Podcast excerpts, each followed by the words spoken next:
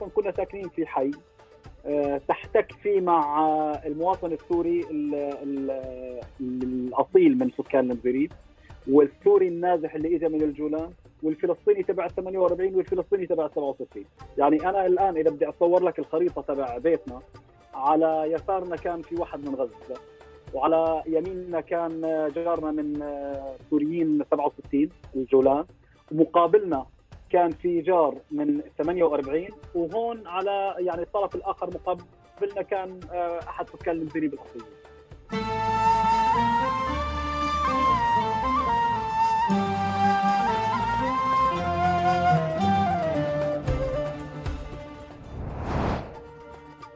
مرحبا يا طارق. أهلا أحمد. طارق شو بصير في المواعيد لما نجرب ننسقها ونرتبها بين بين مناطقنا وأوروبا؟ أنا دائما في عندي خلل هون بصير. ترى المشكلة مش بأوروبا ولا بالمنطقة المشكلة بالعرب وين ما كانوا سواء كانوا بأوروبا أو أو كانوا وين ما كانوا آه. امبارح امبارح صار نفس الموقف اللي صار معنا اليوم. يا جماعة إحنا كنا بنحاول آه، آه، يعني مرتبين موعد.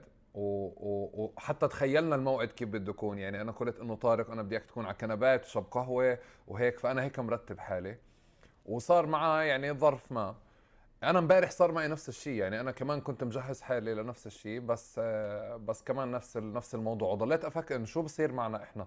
لما يعني تحديدا وقت فروق التوقيت أو هيك بصير الدروب دائما أصلا أنا رايح بالي على الموعد إنه المساء أنت اليوم يعني نصيبك استثنائي لأنه أنا سهران للساعة يعني 3 الفجر تقريبا فأنا اني صاحي الصبح يعني هلأ هاي صدفه يعني. لما أكون سهران بهذا الشكل لأنه lockdown لسه وتخربط توقيتنا ليل ونهار. وكمان شغلة طارق أشطر ضيف يعني آه، حتى هاي اللحظة لأنه عمل شغلة. بدل ما يتركني براحتي إنه من غير هيك يعني حد أقصى للمقابلة قال لي في صنايعي جاي يصلح إشي بالدار بعد ساعة بعد يعني بعد ساعة بالضبط بكون موجود. فحط لي deadline في جرس راح يرن. خذ راحتك. هو سلوت بين ال10 ونص وال12 ونص يعني معنا ساعتين. ممكن يجي باول وممكن يجي بآخره. طيب يلا ممتاز عظيم. يسعد صباحك آه. ويعطيك ألف عافية. أهلا احمد تحياتي. طارق أول شيء مين أحلى؟ سوريا أو أو لندن؟ شوف هذا سؤال صعب ترى مو مو سهل الإجابة عليه لأنه في كثير ناس بتجاوب عليه هيك بصيغة عاطفية ومباشرة وتقليدية ولا سوريا أحلى وكذا وشيء وهيك. أنا أنا يعني أنا, أنا بدي الشعور أنا بدي شعورك هلا آه؟ رح ندخل نحلل. انت أنت يعني بعيدا عن التحليل والمواقف اللي رح نحكي فيها أو نمر عليها بس أنت شو بتشعر؟ لا طبعا طبعا سوريا بالنسبة لي يعني يعني بلد استثنائي يعني حالة استثنائية. سوريا بالنسبة لي وطن يعني بكل معنى الكلمة لكن بنفس الوقت أكون واقعي الآن احكي لي روح عيش بسوريا ووفر لي الظرف يعني لحتى أرجع. قد يكون صعب علي إني أرجع وأترك يعني كل مقومات الحياة الموجودة هون اللي أعطتني فرصة حقيقية. هذا هذا بحكي بشكل واقعي يعني. وصار عندك طارق ارتباط عاطفي اليوم مع مع لندن؟ لا شك لا شك. يعني شوف الفلسطيني بشكل عام وكل إنسان لكن الفلسطيني ربما بشكل خاص. البلد اللي بيعيش فيه وبحس فيه باستقرار وأمان نوعا ما بغض النظر عن أي يعني افتراقات أخرى بتعامل معه كوطن يعني. طيب طارق بدنا بدنا نروح على على سوريا. هيك نرجع للمشاهد. وهي المقابلة استثنائية مش مثل أي مقابلة تانية أنت عملتها. وبحب إنه يعني تتعاون معي إنك تعطيني مش سكوبات وضربات وهيك بس بدنا نريح. الله يستر ما قعدتش على الكنباي أنت؟ ما قعدتش على الكنباي بس بدنا نفترض الكنباي المريحة تبعتك. بدنا نرجع طارق لمزريب هات بلش لي من هناك احكي لي عن عن نشأتك. أظن أنت بلشت في مزاريب بعدين طلعت على الشام واليرموك صح؟ نعم صحيح صحيح تعال نبلش من هناك ولا بدك تبلش من قبل؟ لا لا بنبلش قبل وين بدي أروح؟ هي هذا هذا قبل قبل القبل يعني آه، طبعا المزاريب بالمناسبة هي منطقة يعني آه، في سوريا مشهورة آه، لأنه فيها بحيرة فبحيرة المزاريب تعتبر منطقة سياحية والناس تقصدها من كل تقريبا المدن السورية يعني خاصة مناطق الجنوب بشكل عام. لكن هي قرية صغيرة آه، عدد سكانها يعني أنا لما خرجت منها عدد سكانها ما كان يتجاوز 10000 أو 11000 تقريبا الثلثين فلسطينيين والثلث سوري لكن هي بالأساس قرية سورية يعني هي كأساس نشاتها كقرية سورية ليس كمخيم أو تجمع فلسطيني. آه، فيه خليط آه، فيه فلسطينيين فيه سوريين يعني مواطنين أصليين بسموهم في يعني اللي هو النازحين اللي إجوا من الجولان. فيها مخيم للسوريين النازحين من الجولان آه، بالنسبة لي يعني هاي كانت العالم الصغير تبعي. اللي اللي بيعيش بقرية مثل المزريب بفترة طفولته إدراكه للعالم قد يكون يعني محصور في آفاق ضيقة جدا. يعني أنا بفترة من الفترات كطفل كنت أعتبر الشام هي أقصى يعني أقصى طرف الأرض. okay. اللي هي بعيدة 100 كيلو متر يعني. آه. okay. فبشكل عام آه، نعم المزيريب بتمثل لي آه، حالة استثنائيه ولحد الآن أنا يعني إذا بدي إذا بدي أعيش الحالة الشعرية تبع آه، حياتي كفلسطيني بعيش المزيريب ليس فقط لأني نشأت فيها كطفل إنما لا لأنه هي بتمثل العالم الصغير للإنسان الريفي اللي موجود في أي منطقة عربية. طب هات احكي لنا قصة هيك قصة شاعرية نبلش فيها. من مزريب أول قصة أنت الآن بدك تعطيني هيك أسئلة مباشرة ما راح أكون محضر لها وما راح أكون يعني مستذكر شيء منها. لكن يعني أكثر أكثر الفصول اللي بتصير مع الطفل في منشأ ريفي مثل هيك بعتقد المدرسة، المدرسة تعتبر أيضا عالم آخر يعني بحتك فيها مع طلاب مع أصدقاء مع أطفال جدد. ف ما في موقف بعينه الآن يعني يحضرني. في مواقف كثيرة في في في حياة الإنسان أكيد كل واحد لكن ما في موقف معين بيحضرني الآن لكن المدرسة كانت تمثل هي لك العالم دائما اللي خارج البيت. أنت دائما عندك عالمين في في في المنشأ الريفي. عندك البيت وعندك المدرسة. غير صحيح. هيك ما في. يعني صحيح. آه، الحياة بين هدول المكانين تقريبا شبه معدومة يعني غير غير غير موجودة يعني. فبس يعني هاي ما خليني أحكي لك موقف طريف. الآن إجاني بفترة من الفترات عشان أحكي لك هو موقف بخص أخوي. أه... هاي بتعكس لك ربما أحلام الطفل اللي بيعيش بهيك منطقة. أه بالعيد الناس بتعرف بتلبس جديد وبتاخذ عيديات وبتنبسط وبتفرح وكل شيء وكل واحد بصير عنده يعني شو بده يشتري بالعيد؟ شي بده يشتري فرد وشي بده يشتري لعبة وشي بده يشتري كذا. فإلي أخ يعني أصغر مني راح لم عيدياته عند من الكل آه وراح بده يشتري شيء يعني. فأنت بإمكانك يعني تتحذر شو بده يشتري. يعني أي ولد بالعيد شو بده يشتري؟ هالمحلات بتكون عارضة ألعاب معينة شيء هيك. بعد شوي رجع ومعه حمار. هو هو مشتري حمار. آه. فلما اجى وجاره بحكي له أبوي رحمة الله عليه بحكي له شو هذا؟ بحكي له اشتريته بعيديتي. فالموقف طبعا كان مضحك بشكل عام. طبعا أصلا حتى العيدية ما فيها تشتري حمار لأنه الحمار يعتبر بالنسبة يعني جزء من من ثروة البيت الريف هو أصلا كان حمار ضايع وواحد ملاقيه وبايعه اياه بازهد الاثمان فهو انبسط واعتبر حاله أنا أنا بظن أنا بظن هو كسر كل القواعد بالهدايا. يعني بالعادة الواحد كان بظن الحمار يمكن المخيلة كانت لها علاقة بالسيارة بالطيارة بشيء فبلش هو أسس فيها بين من الحمار. بس يعني أنا أنا ممكن يخطر لي إذا واحد إذا شاب أو طفل بده يبلش يحلم هيك بلش من مراية سيارة. أنا عندي في غرفتي مراية سيارة طارق. لأنه يعني كمقدمة غرفة الطفولة كمقدمة ل هي طبعا لهيك. بالمناسبة لها علاقة لها علاقة في حب الطفل للحيوان بشكل عام. طبعا طبعا طبعا. إنه كل طفل أف... دائما في حب بحياته حيوان بحب يعني يكون مربيه أو شيء بس يعني أكيد وغير هيك غير هيك البيئة الريفية فعليا الحمار فيها مش أي حيوان. يعني في حيوانات كثير ممكن تكون بس الحمار يعني تحديدا من كيف سيدك أو أو سيدك بشكل أساسي بكون يحكي عنه بكون يحكي عنه كصديق يعني. يعني صحيح. هو شوي شوي عليه يا سيدي يعني بهذا الشكل طول الوقت. طب طارق أنت عم ت... قبل شوي حكيت انه إنه شوي التواجد الفلسطيني في مزيريب يعني مقارنة قد يكون بالشام أو أو أو بال... بتجمعات الفلسطينيين هو أقل. ففي نشأة شوي مختلفة ممكن تكون عندك أنت عن وهذا شيء جيد يعني يمكن. لأنه عموم الفلسطينيين اللي بيطلعوا اللاجئين الفلسطينيين اللي بيطلعوا من سوريا بيطلعوا بوعي سياسي خليني أحكي الأساسيات على الأقل موجودة وحاضرة بل هنالك يعني أشياء متقدمة حتى حاضرة. نشأتك أنت اليوم يعني من وين أنت موجود؟ بس النشأة إذا بدنا نبلش فيها كان في للمكان أو العيلة أو الأسرة أو لحد ما أنت انتقلت على الشام لصار في انخراط أو وعي سياسي؟ آه، طبعا حياة المزريب ليست حياة مخيم. يعني الفلسطيني اللي عاش بالمزريب ما فيك تقول إنه هو ابن مخيم. ما عاش عيشة المخيمات اللي ممكن يشوف فيها يحتك فيها مع الفصائل مثلا يحتك فيها مع العمل الوطني. حتى يعني آه، علما إنه هذا كان موجود يعني لكن كان موجود يعني كملمح عام لحياة الفلسطيني لكن ما كان منخرط فيه. بالعكس المزريب بيئة زراعية. والفلسطينيين اللي عاشوا في المخيمات ترى ما في ولا مخيم بسوريا يعني في يعني قريب من البيئة الزراعية. آه، باستثناء المزريب، المزريب يعني كان بيئة زراعية. فالناس أصلا منخرطة في البساتين وفي الحقول والهم الاقتصادي والهم الحياة اليومي هو اللي شاغل الناس، الهم السياسي كان موجود، أنا بالنسبة لي آه، اللي كان أكثر تاثيرا فيني في موضوع الوعي السياسي هو والدي رحمة الله عليه ليس ليس ليس المكان. تعيش المكان يعني أنا بعتبر والدي لو كان بمكان آخر لو كنت مثلا أنا في مخيم اليرموك مع تأثر في والدي كان الوعي السياسي حيكون مختلف. قد يكون مختلف في الاتجاه وقد يكون مختلف في إنه يعني يتضاعف. لكن في هذا البعد لا آه، كان الموضوع له علاقة في والدي. والدي يعني عاش حياته ك... ك... كعروبي كقومي. و... وعمليا أنا يعني تشربت منه الفكرة السياسية من عروبته وقوميته.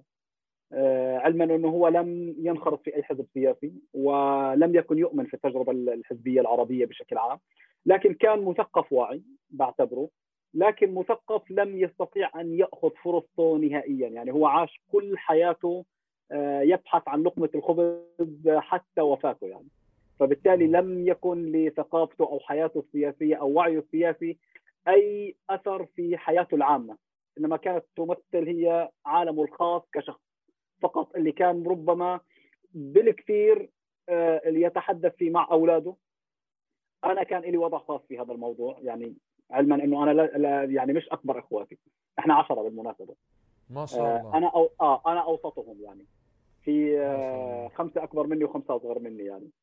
فبالتالي آه، أنا الوحيد اللي كنت اللي كان اللي كنت أقترب منه في موضوع الحوار السياسي أو الوعي السياسي أو النقاش السياسي علما أنه هو كان يحدث الكل لكن أنا بوجه بشكل خاص لأني أنا كنت أهتم بهذا الموضوع حتى من أنا طفل. فهو عالمه هذا البيت وبالكثير يعني المحيط الأصدقاء لما يجوا يجلسوا هالرجال أمام البيت عند العصريات أو المغرب أو شيء بدور هذا الموضوع وكان له مكانته بين أقرانه هو. نتيجة إنه هو عنده وعي مقارنة بمثلا أصدقائه اللي ممكن يكونوا عبارة عن موظفين بسطاء مثله هو هو موظف بسيط كان. لكن وعيه كان متقدم آه، بشكل ملحوظ على أقرانه. ومحيطكم الاجتماعي كان كان سوري أكثر. كنتوا يعني منخرطين بالسوريين أكثر. يعني ما نتيجة عدم وجود فلسطينيين يمكن كيف حكيت؟ لا هو في فلسطينيين بالعكس بالنسبة للاكبر فلسطينيين بس هي البلد المزريب القريه بأساسها سوريا يعني سكانها الأصليين سوريين النسبة الأساسية آه. آه نسبة الفلسطينيين الأكبر إجت عليها بعد 67 يعني الناس اللي أوكي. اللي اللي كانوا فلسطينيين في منطقة الجولان ونزحوا من الجولان مرة أخرى إلى المزريب ولذلك آه إحنا أصلا كنا ساكنين في حي تحتك فيه مع المواطن السوري الأصيل من سكان المزريب والسوري النازح اللي اجى من الجولان والفلسطيني تبع ال 48 والفلسطيني تبع ال 67 يعني أنا الآن إذا بدي أصور لك الخريطة تبع بيتنا على يسارنا كان في واحد من غزة وعلى يميننا كان جارنا من سوريين 67 الجولان ومقابلنا كان في جار من 48 وهون على يعني الطرف الآخر مقابلنا كان آه، أحد سكان المنزلين الأصليين. فبالتالي يعني إحنا كنا عايشين في أصلا الحي كان يعبر عن التنوع تبع المنزلين بشكل عام. أنا أنا قاعد بجرب بسأل بسأل هاي الأسئلة وبجرب أوصل لنقطة. أغلب الفلسطينيين اللي بيطلعوا من هناك كانوا بيحكوا شيء يعني دائما في قصة مؤثرة بطفولتهم اللي بتحكي إنه خلال نشأتهم وعيشتهم مع السوريين في لحظة أو في في حدث آه، آه، وعى أو أو أو أو حكى إنه أنا فلسطيني وهو سوري. لكن ما قبل ذلك فعليا أنت بتلاقي في نشأة مشتركة وتفاصيل مشتركة وعادات مشتركة. بس بظن بحالتك أنت نتيجة وجود الوالد بشكل أساسي والمحيط اللي أنت فيه يعني أنت من نشأتك وأنت حاضرة عندك آه، آه، آه، الهوية الفلسطينية خليني أحكي أكثر صحيح؟ بشكل أكيد بشكل أكيد خاصة انه إحنا درسنا في مدارس الانوروا، مدارس الانوروا لحالها يعني م. بتشكل هوية في هذا البعد. علما إنه أصلا مدارس الانور طبعا فيها بعدين بعد إنه شكلت هويتك الفلسطينية وبنفس الوقت أنت ما نشأت على قضية إنه أنا فلسطيني سوري لأن أنت عايش مع السوريين يعني بنفس الحي وبنفس المدرسة يعني السوريين كانوا يدرسوا معنا في مدارس الأونروا فبالتالي أنت ناشئ على إنه في شيء بالدنيا آه، مختلف سوري وفلسطيني ونازح آه، يعني حتى كانوا يحكوا في ثلاث تصنيفات اللي هو الفلسطيني والنازح والحوراني. هيك كانوا يحكوا يعني. لأنه السكان المزيريب الأصليين كانوا يحكوا لهم الحوارنة. يعني إنه هذا من من أبناء حوران. النازح اللي هو من الجولان السوري اللي جاي من الجولان والفلسطيني اللي هو إحنا يعني. والفلسطيني طبعا كان نوعين اللي هو فلسطيني الغزاوي تبع 67 لأنه هذا ما كان معه أوراق. والفلسطيني تبع 48 اللي كان عمليا وضعه يعني بحكم المواطن السوري من حيث الوضعية القانونية فكان مثلا يروح يخدم جيش الفلسطيني الغزاوي أو اللي من الضفة ما كان يخدم جيش ما لأنه غير مكلف بهذا الموضوع نتيجة الوضع القانوني. طيب وأنت إمتى انتقلت للشام؟ هلا بدنا نقفز هيك قفزة أنا شوي. أنا بقيت في في المنزريب حتى يعني مرحلة البكالوريا بعدين لما طلعت أدرس في دمشق تقريبا كان هذا الفراق بيني وبين المنزريب رجعت على منطقة المنزريب تقريبا ثلاث سنوات عشان التدريس. درست سنتين في مناطق أخرى يعني غير المنزريب في منطقة الشجرة ومنطقة الحراك. وفي سنة من هاي السنوات اللي هي سنة بينية يعني كنت في حمص. يعني رحت عملت دورة تدريبية يعني تابعة لوزارة التربية السورية آه، مدتها عام. فأنا عمليا مارست التدريس مدة ثلاث سنوات. وبعدين آه، تركت التدريس نهائيا وانطلقت تركت بشكل كامل وذهبت إلى آه، دمشق واستقريت في دمشق تقريبا من عام 2005 آه إيش كنت تدرس؟ طبعا كنت أدرس فنون. أوه. نعم. آه، أنا طارق حكوا لي بتحب الدبكة أنت صح؟ أه والله أنت عرفان شغلات يعني آه، خاصة. طبعا أنا كل هذا طبعا على فكرة مرتبط ببعضه. أنا لما آه، خلصت بكالوريا رحت درست معهد متوسط فنون. اسمه معهد العمل اليدوي. بمعهد العمل اليدوي أول شيء أنا عندي مهارة في الرسم وأيامها في امتحان المقابلة في درعا هم بدهم ستة من درعا فقط من كل محافظة ست أشخاص. فستة من درعا هذول السته لازم يكون ثلاث ذكور وثلاث إناث. والثلاث الذكور لازم يكون واحد علمي واحد أدبي وواحد مهني. فبالتالي يعني أنا كنت أدبي في الفرع الأدبي يعني عمليا أنا الوحيد يعني لازم يختاروا واحد من الفرع الأدبي يعني من آلاف الطلاب من درعا. فكان لازم يجمعوا مجموع علاماته في البكالوريا زائد آه، امتحان التقييم تبع الرسم. فأنا أخذت الأول على المحافظة في في امتحان الرسم. وقبلت في في هذا المعهد. هذا المعهد فيه عدة عوامل. آه، فيه اللي هي قضية آه، الشيء اللي بيفرضوه عليك كدورات تدريبية من أجل ممارسة التعليم في المدارس الحكومية فيما بعد. اللي هي قضية معسكرات الطلائع وهالأمور هاي اللي هي لها علاقة في النظام البعثي بشكل عام. هذا شيء إجباري. يعني على كل واحد إجباري. بعد ما تخلص امتحانات أنت لازم تلتحق في في معسكر تدريبي مدته 15 يوم. بيعلموك بعض القواعد اللي لها علاقة بالأنشطة اللا صفيه بسموها هاي لازم أنت تتعلمها. فخلال هاي الفترة وخلال احتكاكي أنا في معهد العمل اليدوي اللي هو معهد يعني سنتين فيه من كل الأطياف من كل المحافظات السورية آه، كان هذا النشاط الثقافي والتنوع الثقافي بشكل دائم. يعني بعض الطلاب يعني بتعرف بهاي المرحلة كانوا إذا يأخذوا بريك ربع ساعة يعملوا دبكة في بال, بال... بين الحصة والحصة يعني أو بين الدرس والدرس. فأنا تعلمت الدبكات السورية السبعة. أوه. اللي هي جزء منها الدبكات الفلسطينية بتنضوي منها. يعني كل آه، فلكلور أهل الجنوب هو عمليا يقترب من الفلكلور الفلسطيني. فعمليا تعلمت هاي الدبكات جزء منها نسيتها لكن تعلمتها يعني كنت آه، حابها بشكل عام. فهذا الجزء. طبعا موضوع الدراسة يعني أنا فيما بعد درست لكن أنا خلال هاي الفترة التحقت بالجامعة مرة أخرى. يعني أنا خلال دراستي لمعهد العمل اليدوي التحقت بالجامعة في آه والتحقت بالجامعة بالمناسبة بتخصصين مع بعض. آه okay إيش هم؟ اللي هو آه شريعة دراسات إسلامية في جامعة دمشق وأيضا علوم سياسية. ومشيت فيهم الاثنين مع بعض يعني مع إنه هدول اختياري يعني بس هدول آه بقرار بدك تدخلهم. آه، هو شوف هاي لها قصة يعني. أنا لما دخلت على معهد العمل اليدوي آه، طبعا دخلت نتيجة عدة عوامل. آه، أحد هذه العوامل الفقر والإمكانيات. بشكل عام. فأنت بدك تروح بتصير يعني أنا مثلا آه، جبت من الأوائل في البكالوريا على الثانوية تبعي. فبالتالي كانت تطلع لي تقريبا كل فروع الفرع تبعي. لكن ما ذهبت للجامعة ذهبت إلى هذا المعهد لأنه الفكرة العامة إنه خلص أنت لازم تروح تبحث عن شيء آه، طريقه قصير ومضمون للوظيفة لأنه هذا كان بيسموه معهد ملتزم. يعني أنت بتخلص منه مباشرة الدولة ملتزمة فيك إنه توظفك فموضوع الوظيفة العمومية كان مسيطر على فكر الناس بطبيعة الحال الناس البسطاء يعني خاصة في, في الأماكن الريفية. فخلص أنت روح بهذا الاتجاه وخلص سنتين وارجع مدرس وانتهى المشهد يعني. ليش حتى تروح أنت على طريق الجامعة وطريق الجامعة فيه تكاليف وكذا؟ لأنه هاي المعاهد كانت الدولة تنفق عليك يعني. أنت كان لك مصروف رمزي شهريا بيساعد كان لك سكن حلو. مجاني غير مثلا آه، فهي كلها قضايا كانت فأنا رحت. لكن أنا لما رحت لهناك خلال أول ثلاث أربع شهور اصطدمت بواقع وحسيت إنه أنا اخترت اختيار خاطئ. والاختيار الخاطئ في سوريا يعني ما في الغلطة بكفرة يعني. يعني أنت ما بصير تأخذ بكالوريا وتروح تسجيل الجامعة فترة تسجيل الجامعة وتأخذ خيار خطأ ويصير في خط رجعه ما عاد في خط رجعه لأنه الجامعات السورية بمرحلتي على الأقل كانت أي فرع بدك تسجله لازم يكون شهادة بكالوريا جديدة. يعني شهادة البكالوريا تبع السنة اللي بعدها ما بتدخلني على أي فرع بالجامعة. واو. هذا قانون هذا قانون.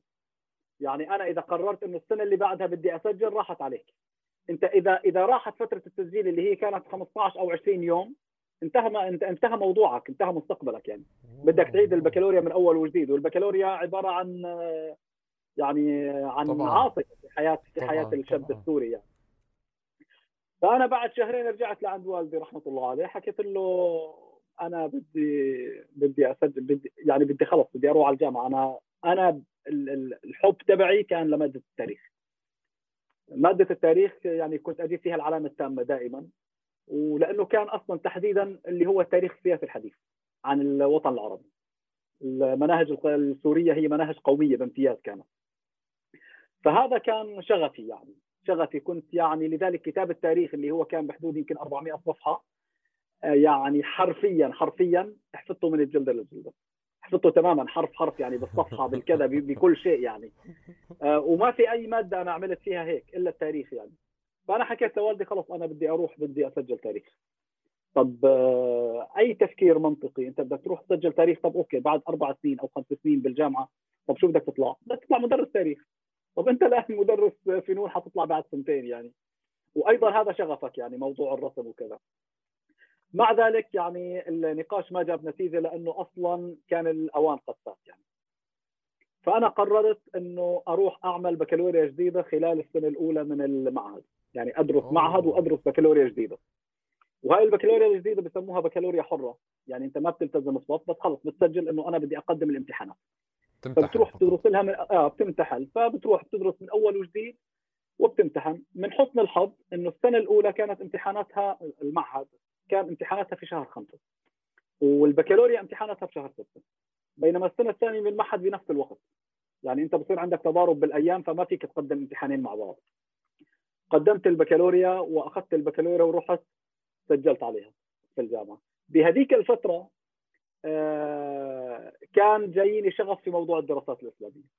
يعني كان صار عندي تحول خلال كم من شهر هذول. فأنا آه، رحت سجلت آه، في الشريعه في جامعة دمشق. ووقفت تسجيلي للسنة الثانية عشان أخلص المعهد لأنه ما فيني أقدم امتحانات المعهد وامتحانات الجامعة لأنه بنفس الوقت يعني بنفس الأيام. فأنا السنة اللي بعدها خلصت المعهد حطيت شهادة المعهد بجيبتي ورحت أدرس وبلشت أكمل في موضوع الجامعة. بس خلصت بالسنة الأولى جامعه قررت إني أقدم بكالوريا ثالثة. يعني توجيهي مرة ثالثة. ليش؟ لأنه عندي شغف في العلوم السياسية فبدي أسجل علوم سياسية. وشغف العلوم السياسية كان فيه مشكلة بسوريا. بفترتي أنا يعني البكالوريا الأولى ما سمحت لي إني أقدم علوم سياسية. ثواني هذا ثواني ثواني بدي أقطعك. اجيله هذا شغف طبعا. العلوم السياسية لأنه هذا في شيء بس أنت بالمرحلة هاي كنت بتعاند بمين تعمل ثلاث بكالوريات؟ يعني جماعة آه البكالوريا التوجيهي. يعني بس توجيهي طارق كان يعاند بحاله كل سنة يغير مزاجه يغير فكرة ما فيرجع مرة ثانية يعمل يعمل توجيهي يعني هيك يعمل كمان توجيهي. مرعب أصلا للناس طارق هلأ تسمعك عامل ثلاثة توجيهي يعني. عشان بس بدك تضلك تجرب ولا إيش في؟ كانوا بعض الأصدقاء يعني يتندروا يحكوا لي أنت أخذت يعني ثلاث توجيه لازم نعطوك واحدة رابعة مجانا هاي العروض اللي كان الأصل تكون موجودة فحقيقة هو ليس معاندة لكن هو كان تحدي تحدي إنك أنت بدك تتحدى الواقع، الواقع والقانون والوضع الجامعات مفروض عليك هيك. أي فرع جامعة بده بده شهادة بكالوريا منفصلة عن الثانية. هيك القانون، طبعا أنت ما بصح لك من ناحية قانونية إنك تسجل فرعين جامعة مع بعض. okay okay. بطبيعة الحال. وهذا أصلا غير ممكن لأنه أنت على شهادة واحدة ما فيك تسجل وعلى شهادتين ما فيك تجيب شهادتين جداد. وأنت بدك تلحق شغفك كمان. آه وبدي ألحق شغفي أنا فصار في عناد بهذا الموضوع. فأنا آه بالبكالوريا الأولى والثانية كان موضوع العلوم السياسية صعب جدا لأنه في سوريا كان لازم تكون بعثي ولازم يكون في عندك بدي أسأل عنه صح؟ آه. صح. فلازم تكون بعثي ولازم يكون عندك موافقة أمنية ودراسة وكذا وشيء وآخر شيء يعني فرص إنه يقبلوك فرص يعني ضعيفة جدا. وأظن يمكن يعني حتى آه، أسف آه، طارق يمكن حتى على مستوى المحيط الناس يمكن كان كان البعض بقول لك إنه أنت ليش بدك تدرس علوم سياسية؟ يعني زي كأنه كان في إنه هذا الميدان ميدان بعض الناس مش ميدان البني آدمين عامة الناس. أو أو إنه في خطر بدخول العلوم السياسية إنه شو بدك تطلع بالآخر؟ وين بدك تورط العيلة. تفضل. طبعا هذا هذا قائم موجود. اللي هو جاء دائما الهاجس الأمني في هذا الموضوع. المسألة الأخرى آه، في تفكير منطقي. يعني في بعض النماذج والله فلان درس علوم سياسية طب شو طلع؟ طلع أستاذ قومية. اللي هي مادة القومية اللي هي عمليا مادة بعثية بامتياز. يعني مادة أصلا جافة ومملة جدا ويعني لا تهضم حقيقة. وكانوا كل الطلاب يعانوا منها يعني بالمدارس كلها. معروفة مادة جافة جدا. فأنت يعني وين رايح؟ يعني أنت بدك الآن عفوا تروح تدرس أربع خمس سنين علشان تيجي تدرس لاولاد آه، خطابات الرئيس خطاب آه، افتتاح الدورة البرلمانية وخطاب كذا وخطاب كذا وخطاب كذا ما هي ماده قويه هيك كانت فبالتالي أنت وين رايح؟ بس لا الموضوع بالنسبة لي كان آه، له علاقة في موضوع شغفي السياسي تعلقي في التاريخ السياسي العربي الحديث بشكل عام الفكرة العروبية تحديدا يعني كانت مسيطرة علي بهذيك الفترة من من خلال والدي. فبالتالي خلص هذا شغفي. قدمت فلما أنا وصلت على مرحلة البكالوريا الثانية خلصتها كان بلش في سوريا عهد جديد. يعني كان بشار الأسد صار له تقريبا سنتين في البلد. فبدأ يعطي بعض المساحات. من هاي المساحات إنه آه، سمحوا بافتتاح جامعات أخرى. وفي جامعات كانت مرتبطة بجامعة دمشق اللي هو نظام التعليم المفتوح فسمحوا فيه فرع علوم سياسية لأول مرة. يتجاوز القيود اللي كانت مفروضة على فرع العلوم السياسية اللي كان تابع لجامعة دمشق.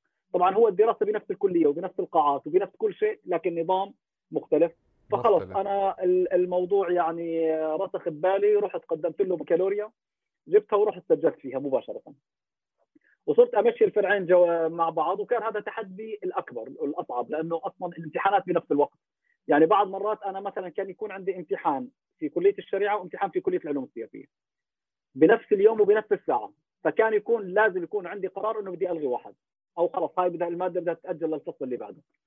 ولذلك أنا لما أنهيت آه أنهيت ثلاث سنوات في العلوم السياسية تخرجت من كلية الشريعة وانهيت ثلاث سنوات فقط في العلوم السياسية وما استطعت أكملها نتيجة الأوضاع اللي صارت بسوريا وخلاص غادرت وما عاد في مجال أصلا لحتى إني أكون بالجامعة. أنا بظن هيك طارق صار واضح لي فعليا ليه أنت شخص يعني مثابر وشغلك كثير وبنشوف أثرك في كثير أماكن ويمكن أظن هيك يعني حتى صرت شايف التنويعة خليني أحكي اللي اللي اللي على سبيل المثال تقبلك أو ال أو ال أو التنوع اللي موجود عندك تنوع أصحابك تنوع علاقاتك أنا كنت أفكره هيك لمرحلة شيء له علاقة بوجودك بأوروبا بس هلأ لأ يعني ابتداء من من الدبكة ومش الدبكة سبع أنواع دبكة مش بدك تدبك دبكتنا بدك تدبك سبعة بعدين تبلش.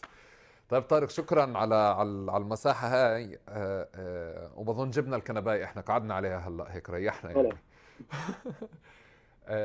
طارق بدنا بدي أجرب أدخل بالمسار اللي هو النشاط السياسي بس بدي أبلش فيه من من يعني خليني أحكي من بالظروف اللي أنت كنت موجود فيها. واضح إنك أنت كنت عم تلحق شغفك وما جبت لنا سيرة لسه إنه أنت يعني بتتحول أو أو في دخول لمستوى نشاط سياسي ما. إمتى بلش و و و وكيف فعليا بلشت شغل؟ تمام. آه، خلال فترة الدراسة تكونت لي علاقات يعني جيدة خاصة من أصدقاء في مخيم اليرموك وفي المخيمات الفلسطينية بشكل عام. آه، طبعا هون بدأت أتعرف ويعني أقترب أكثر من الفصائل الفلسطينية من الجو الفصائلي والعمل الفصائلي. يعني على سبيل المثال أنا بذكر أنه المجلات الشهرية للفصائل كلها. يعني ما كانت تغيب عني يعني كنت أقرأها كلياتها وبشغف كبير جدا. تبع فتح طبعا أيامها كان فتح الانتفاضة ما كان في فتح آه، أبو عمار ما كانت موجودة.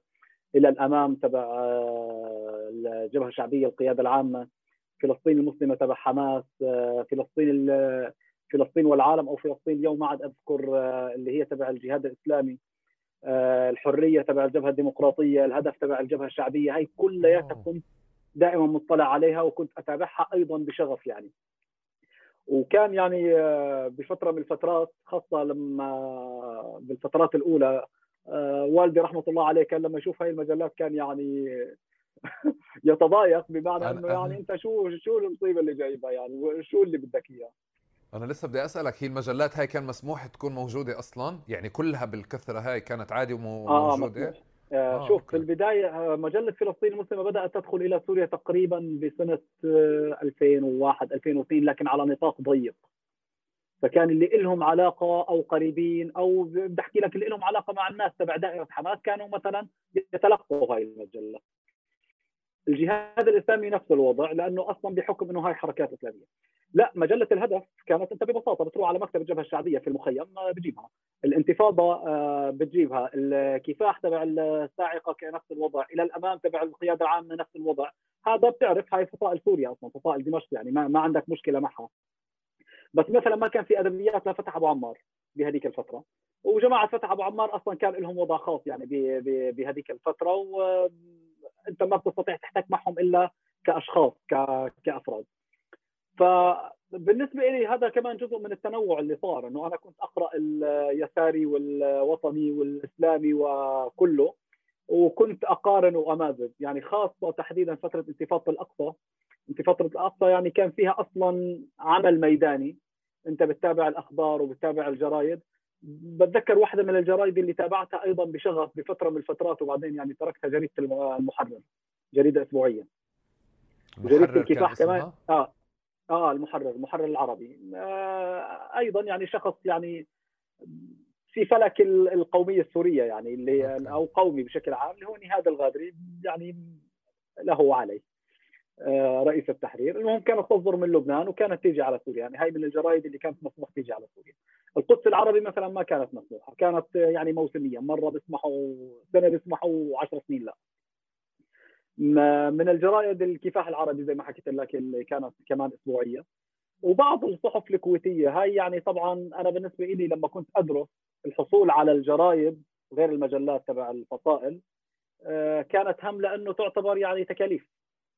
فيعني أنت بدك توفر من مصروفك لنهاية الأسبوع لحتى تشتري هاي الجرايد خاصة مثلا مثل بعض في جريدة آه، آه، جريدة الجريدة اللي هي الكويتية.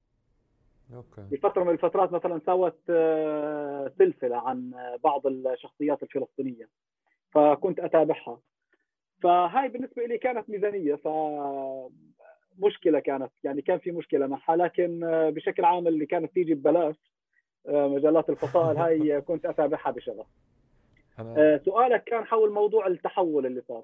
في فكرة كانت يعني دائما ضاغطة علي أثناء اسمح لي بس ثواني قبل ما تدخل على المحور هذا آه، أنا أنا سألت على المجلات و... و...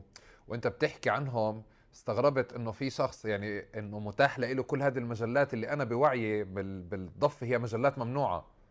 يعني يعني بلا استثناء. آه بلا استثناء هي مجلات اللي أنت ممكن تسمع إنه الفصيل الفلاني كان عنده مجلة أو إنه طلع موقع نتيجة إنه كان في مجلة بالزمانات اسمها كذا وكذا. يعني هيك هيك علاقتنا. بس أنت يعني آه وهون في فارق هيك شوي بين فكرة لاجئ موجود برا وحدا موجود بالضفة أو في غزة بالمساحات اللي ممنوعة يعني. تفضل على على على على جزئية النشاط. في التدريس أنا درست آه، مادة الفنون لمرحلتين. بالأول سنة تدريس تعينت في مدارس ابتدائية في آه، منطقة الحراك.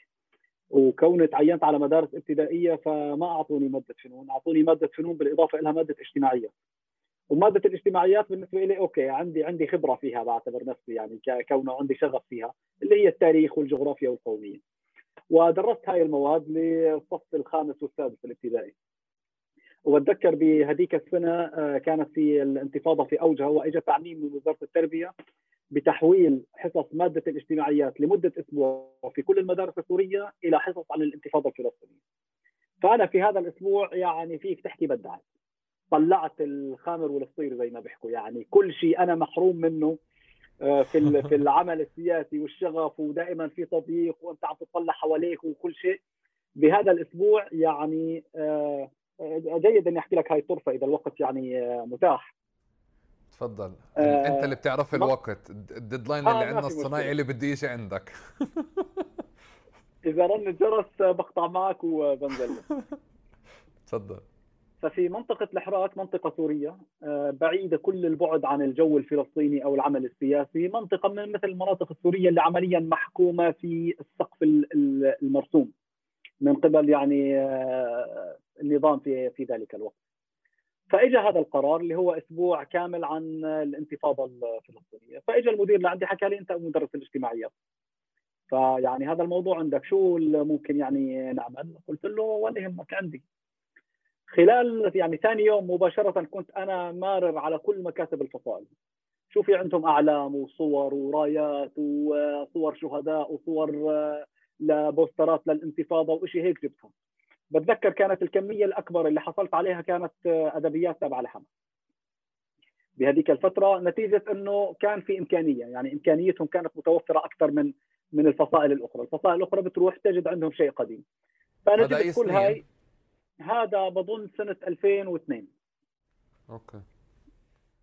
بتوقع سنة 2002 يعني هو الفصل الدراسي الثاني من سنة 2001 2002 بس هي سنة 2002 جبت هاي المواد وأول شيء اقترحت إنه نعمل مهرجان بالمدرسة. انبسط المدير جدا على الفكرة عملنا المهرجان الدروس حولناها كلياتها فانا عملت سلسله عن الانتفاضة. عملت سلسله يعني رتبتها بالضبط شو بدنا نعطي للصف السادس وللصف السابع وباليوم الفلاني وباليوم كذا وشيء المدرسة تفاعلت تفاعل كبير جدا. ليش؟ لأنه وجدت مواد.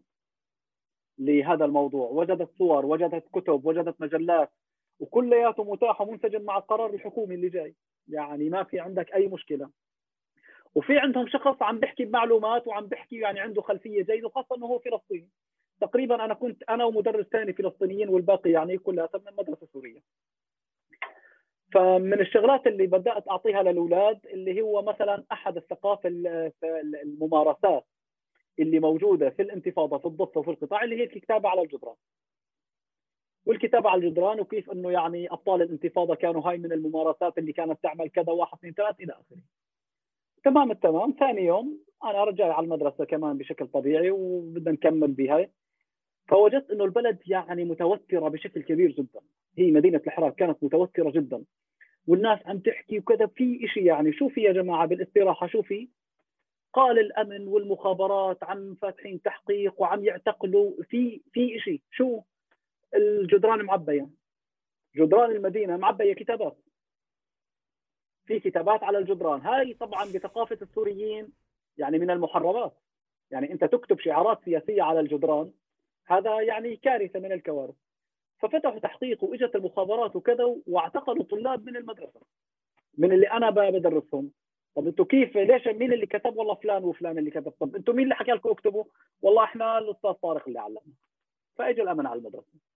شو القصة؟ قلنا له القصة واحد اثنين ثلاثة.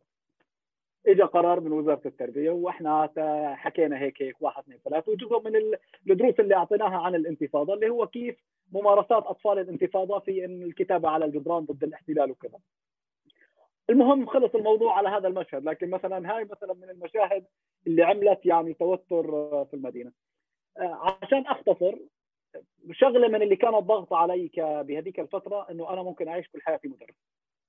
مهنه التدريس طبعا مهنة للأمانة يعني مهنة شريفة وأنا إذا بدي أكون بيوم من الأيام أي شيء يعني أفني فيه حياتي يمكن تكون مهنة التدريس بالنسبة لي أفضل شيء، لكن كان ضاغط علي فكرة إنه أنا بدي أعيش كل حياتي مدرس أطلع من البيت وأروح وأدرس الأولاد وأرجع وكذا. خاصة إنه الفترة اللي بعدها أنا رحت على حمص عملت دورة لمدة سنة كاملة يعني بعتها من وزارة التربية وبعدها رجعت درست على المرحلة الثانوية فنون نسويه الفنون النسوية اللي هي لها علاقة بالزخرفة وما زخرفة والرسم والتصوير وهالأمور هاي كلها فالمرحلة الثانوية أنا بلشت أدرس على مرحلة يعني كبيرة متقدمة. مرحلة ثانوية. فنفس الوضع يعني كان ضاغط علي إنه أنا ما فيني أضل بشغفي السياسي ما فيني أضل يعني بس عم بحتك مع هاي الشريحة وبهذا المضمون يعني.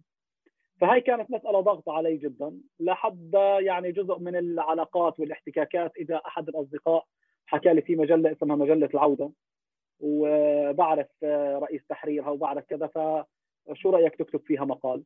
فكرة إنه أنا أكتب مقال وعمري 23 24 سنة كانت يعني بالنسبة لي يعني عرض يعني شو بتحكي عنه؟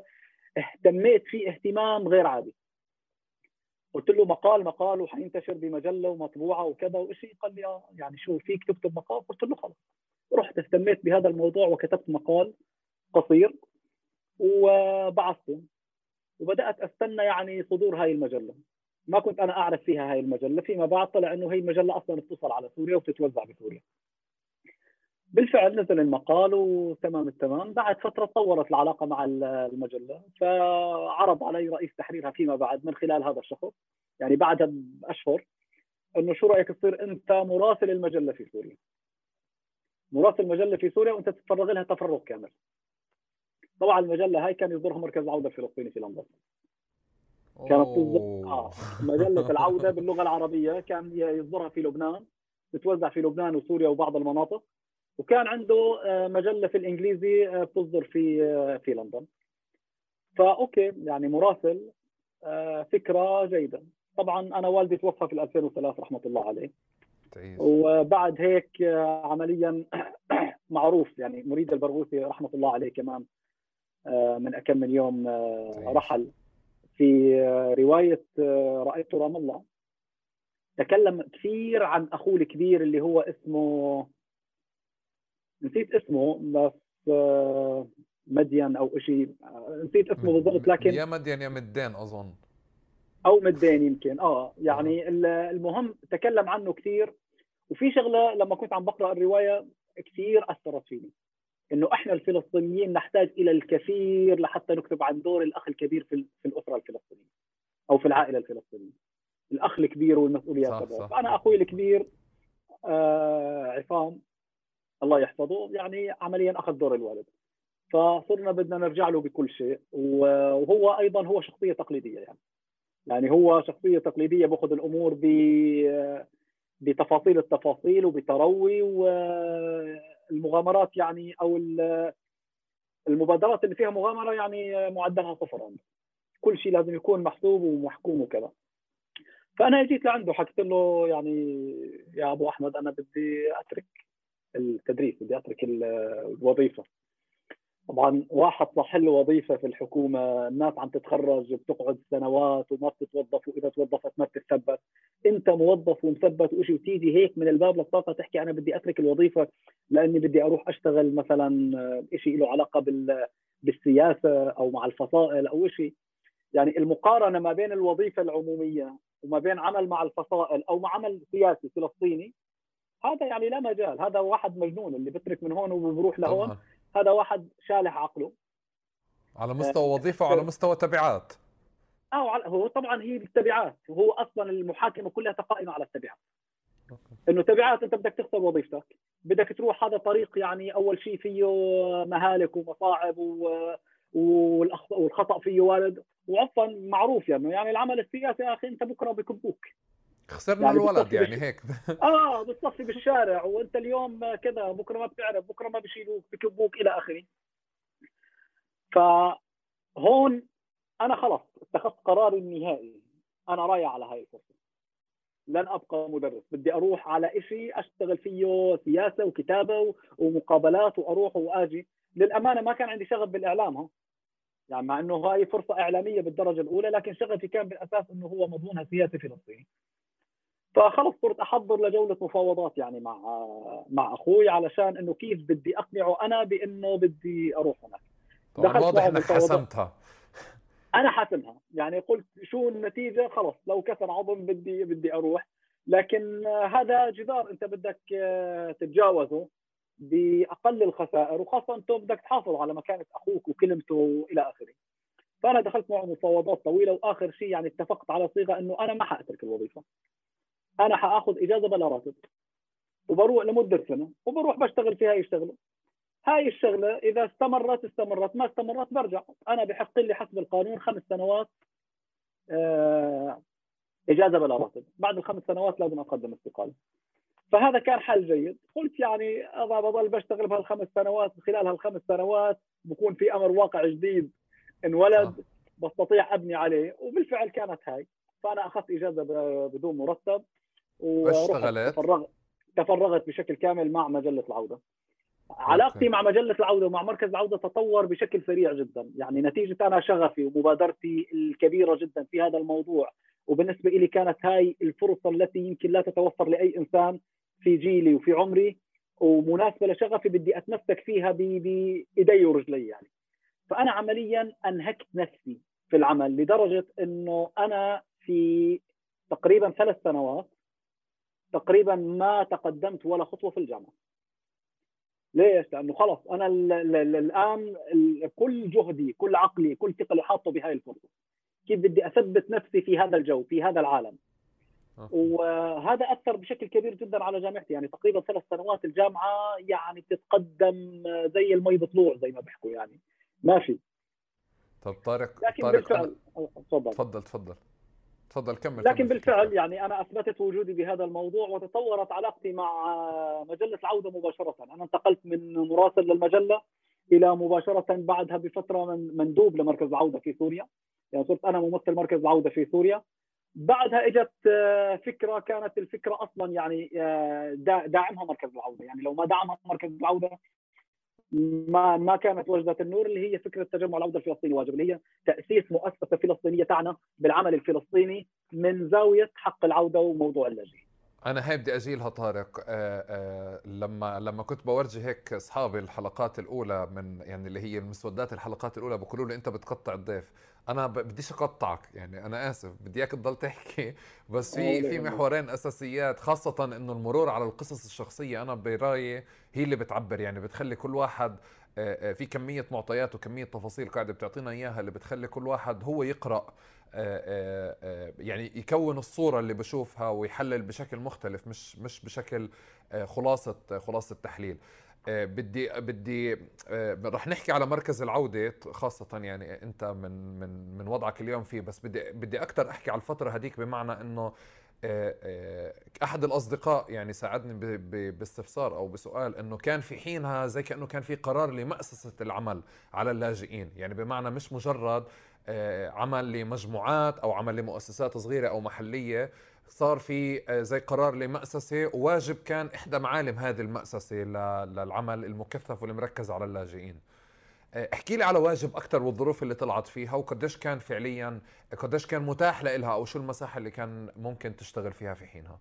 تمام. هو الجو العام الجو العام كان متأثر في أحداث الانتفاضة. يعني العمل الفلسطيني عمل صاعد الحدث الفلسطيني هو الحدث يعني رقم واحد آه، سواء في الحديث العام في الحديث الخاص في الأخبار في كل شيء. آه، موقف سوريا العام من الانتفاضة ومن الحالة الفلسطينية ساهم في إنه تتولد أفكار باتجاه إيجابي. لذلك آه، مركز العودة بدأ بال 2005 في في سوريا يعني يعمل أو يدخل على سوريا من خلال مجلة العودة وبعض الأعمال. وترخص في سوريا بشكل يعني رسمي كفرع له وحكيت لك يعني كان في له ممثل قبلي بعدين أنا إجيت يعني بحكم يعني علاقتي مع مجلة العودة وبروزي في هذا العمل. آه، خلال هاي الفترة يعني تم آه، كانت في فكرة عند مركز العودة أنه هو يأسس مركز كامل يعني مركز عودة آخر يكون تابع له كفرع في في سوريا. أي سنة هذا طارق؟ هذا 2005 2005 2006 الآن العقبة بال 2006 اللي واجهت مركز العودة إنه يعني ترخيص قانوني كفرع هو طبعا التراخيص كلياتها في سوريا يعني قصة طويلة عريضة يعني. أنت إذا بدك ترخص أبسط شيء تحتاج إلى موافقات وإلى واسطات وإلى يعني كم كبير من من الأوراق. فموضوع إنه مؤسسة بريطانية بدها تفتح فرع في سوريا يعني إحنا بالكاد استطاع إنه يفتح فرع أو تمثيل له من خلال ترخيص له علاقة في وزارة الإعلام تابع لمجلة العودة. يعني هو الترخيص كان ترخيص لمجلة العودة وليس لمركز العودة. لكن كان تحت هذا الترخيص نشتغل كله مركز العودة ومجلة العودة وكل شيء. فحاول المركز إنه هو يعني بده يوجد نفسه لأنه بده فكرة المركز كانت إنه هو يكون موجود في أوساط اللاجئين. فتح مكتب له في بيروت. فبده يفتح مكتب في دمشق. نتيجة إنه الحالة في دمشق أصبحت حالة منفتحة خاصة في العمل الفلسطيني تحديدا. فبده يستثمر هاي الفرصة لكن العائق كان الترخيص. ترخيص بنفس الصيغة اللي كان موجود في لبنان فرع متكامل وله مقر وكذا ما كان ماشي إلا من خلال ترخيص بسيط تحت مجلة العودة وهذا شو ما استطعت أنت تشتغل فيه راح يكون محدود. فإجت الفكرة إنه إحنا ليش ما نأسس مؤسسة أخرى؟ تتوافق مع الأنظمة السورية وشو متطلباتها وبدل ما يكون مركز العودة يأخذ اسم آخر أو حتى يا سيدي خليه يأخذ اسم مركز العودة. بس صارت الفكرة إنه يأخذ اسم آخر ومركز العودة بيدعمه. يعني من حيث الإمكانيات أو مثلا أوكي. التكاليف أو شيء. وخلص ينطلق. بالنهاية هدف المركز إنه هو يمأسس العمل الخاص في موضوع حق العودة في كل مكان. هاي كانت فكرة مركز العودة لأنه أصلا بعد أوسلو أحد الظواهر اللي خرجت هي لجان حق العودة. اللي برزت في كثير من الأماكن. نتيجة تهميش قضية اللاجئين برزت آه، تجربة لجان حق العودة وكان في تجربة في سوريا اسمها آه، آه، لجان التنسيق المحلية. لجان التنسيق عفوا لجان التنسيق حق العودة أو اللجنة التنسيقية لحق العودة. كانت عبارة عن نشطاء لجان مستقله لجان تابعة للفصائل أو غير ذلك كانوا يجتمعوا. لكن العمل كان مبعثر وكان يعني منسجم مع الحالة الفصائلية الهشة يعني. لما ترتفع الفصائل بحكم يعني أحداث الانتفاضة بترتفع معها ولما تنزل بتنزل معها فكانت الفكرة هي المأسسه مأسسه هذا العمل فعلا. فإجت فكرة تجمع العودة الفلسطيني واجب كلمة واجب كانت نابعة من فكرة إنه كان بهذيك الفترة تحديدا بنفس السنة 2005 طرح مشروع في لبنان وسوريا مشروع Civitas اللي هو كانت مشروع آه، Civitas هو اختصارات ل يعني اللي هو بناء هياكل وكذا للاجئين الفلسطينيين لتحديد خياراتهم. داخل المخيمات الفلسطينية. الآن المشروع هذا كانت على رأسه كرمة النابلسي، الدكتورة كرمة النابلسي وهي يعني آه. آه، صديقة وشخصية يعني آه، معروفة كونت الصداقة فيما بعد بعد ما أجيت على بريطانيا في تلك الفترة كنت أعرف اسمها فقط. فهذا عمل هاجس، هاجس كبير، أول شيء إنه هذا من مين ممول؟ يعني كرم النابلسي شخصية للأمانة مقدرة ومعروفة لكن فورا السؤال اللي بيطرح يطرح في مناطق وهذا السؤال بلازم كرم النابلسي بكل مكان تشتغل فيه. آه من مين ممول؟ من مين وين شغاله وين مموله ومسكينه طول الوقت مضطره تضل تأكد وتضل تكشف. صحيح. تفضل. ف طلعت إشاعة إنه هذا ممول من الاتحاد الأوروبي فخلص انحط عليه شبهة. فإحنا بدأنا نناقشه كنقاش يعني نطرح الموضوع المشروع كنقاش. ما هي فائدة تخيير اللاجئ؟ يعني أنت تيجي تحكي للاجئ تعال أنت بدك تختار بدك ترجع ولا ما بدك ترجع؟ هل هذا منطقي؟ هل هذا قانوني؟ هل هذا صحي بأنك تخيره؟ فبتذكر أنا يعني إحدى يعني بداياتي البحثية خليني أقول بدأت أبحث بهذا العنوان. فوجدت أنه أصلا في وثائق بالأمم المتحدة ووثائق قانونية بنص عليها اتفاقيات دولية أنه لا يحق تخيير اللاجئ دون أن تتوفر عدة شروط. ومن هاي الشروط هو إنه ما يكون في عامل ثقافي يؤثر على خياراته عامل اقتصادي عامل معيشي كذا. طب هذا ولا شيء متأثر متأثر. صح. يعني بتأثر فيه اللاجئ الفلسطيني. فنبعث عندنا مصطلح إنه موضوع حق العودة هو ليس خيار. يعني حق العودة أصلا هو ماخذ اسمه حق هو. لكن هو ليس خيار. يعني أنت لو لك هذا الحق أنت ما فيك تتخلى عنه هو واجبك إنك تتمسك فيه. فإجت كلمة واجب وبهذيك الفترة طلعت كلمة ثابت في في في لبنان. وطلعت كلمة آه، صامد آه، أيضا في سوريا كلها لها علاقة في في في لجان حق العودة ومشاريع حق العودة واللي كانت نابعة من النقاش اللي اللي أنشأه كفيفا هاي هاي الفترة كان ما... آه تفضل بس سؤال سؤال على الهامش هاي الفترة كان آه، كان ماجد الزير على رأس مركز العودة صحيح. في في لندن صح؟ okay. نعم صحيح تفضل صارت الفكرة هيك فأسسنا بالفعل المشروع. الآن إجيت أنا كلفت بالموضوع. لما كلفت بالموضوع يعني أنا وجدت نفسي إنه المشروع كبير علي أو حمله كبير يعني. وللأمانة في أوساط يعني بعض النقاشات كانوا يقولوا إنه لا يعني أنت بدك هذا مشروع بدك تسلمه سلمه لواحد يعني واحد واعي واحد عنده خبرة واحد على الأقل عمره أكبر. يعني انت عم تعطي المشروع لواحد عمره 24 سنة. فما بيمشي الحال يعني. آه، فأنا يعني هاي من الشغلات اللي أنا يعني ما بنساها لماجد الزير. إنه أصر على هذا الموضوع إنه لا هذا يعني هو الشخص المناسب. يعني بعد تجربة أنا معه أنا أنا, أنا بحب أحييه كمان. بحب أحييه صراحة يعني شخص شخص عنيد جدا ومثابر جدا. هلا هلأ رح نمر عليه صحيح. يعني كمان شوي. فهو اصر على هذا الموضوع وقال أنا يعني ضمن وسطه هو اللي يعني الناس اللي استشارهم واللي لهم علاقة في المركز إنه هذا يعني شخص أنا صرت مجربه سنة ونص سنتين وهو اللي, اللي أنا براهن عليه. فلا خلص هو فخلص طلب مني هذا الموضوع وأنا بالفعل ذهبت بهذا الاتجاه. الآن ذهبت بهذا الاتجاه للأمانة التحضير لهذا الموضوع استغرق عدة شهور. وكنت عرفان بالنسبة لي إنه هذا تحدي. فتحدي انت لازم تنجح فيه انت ما لازم تستنسخ التجربة اللي قائمة اللي موجودة.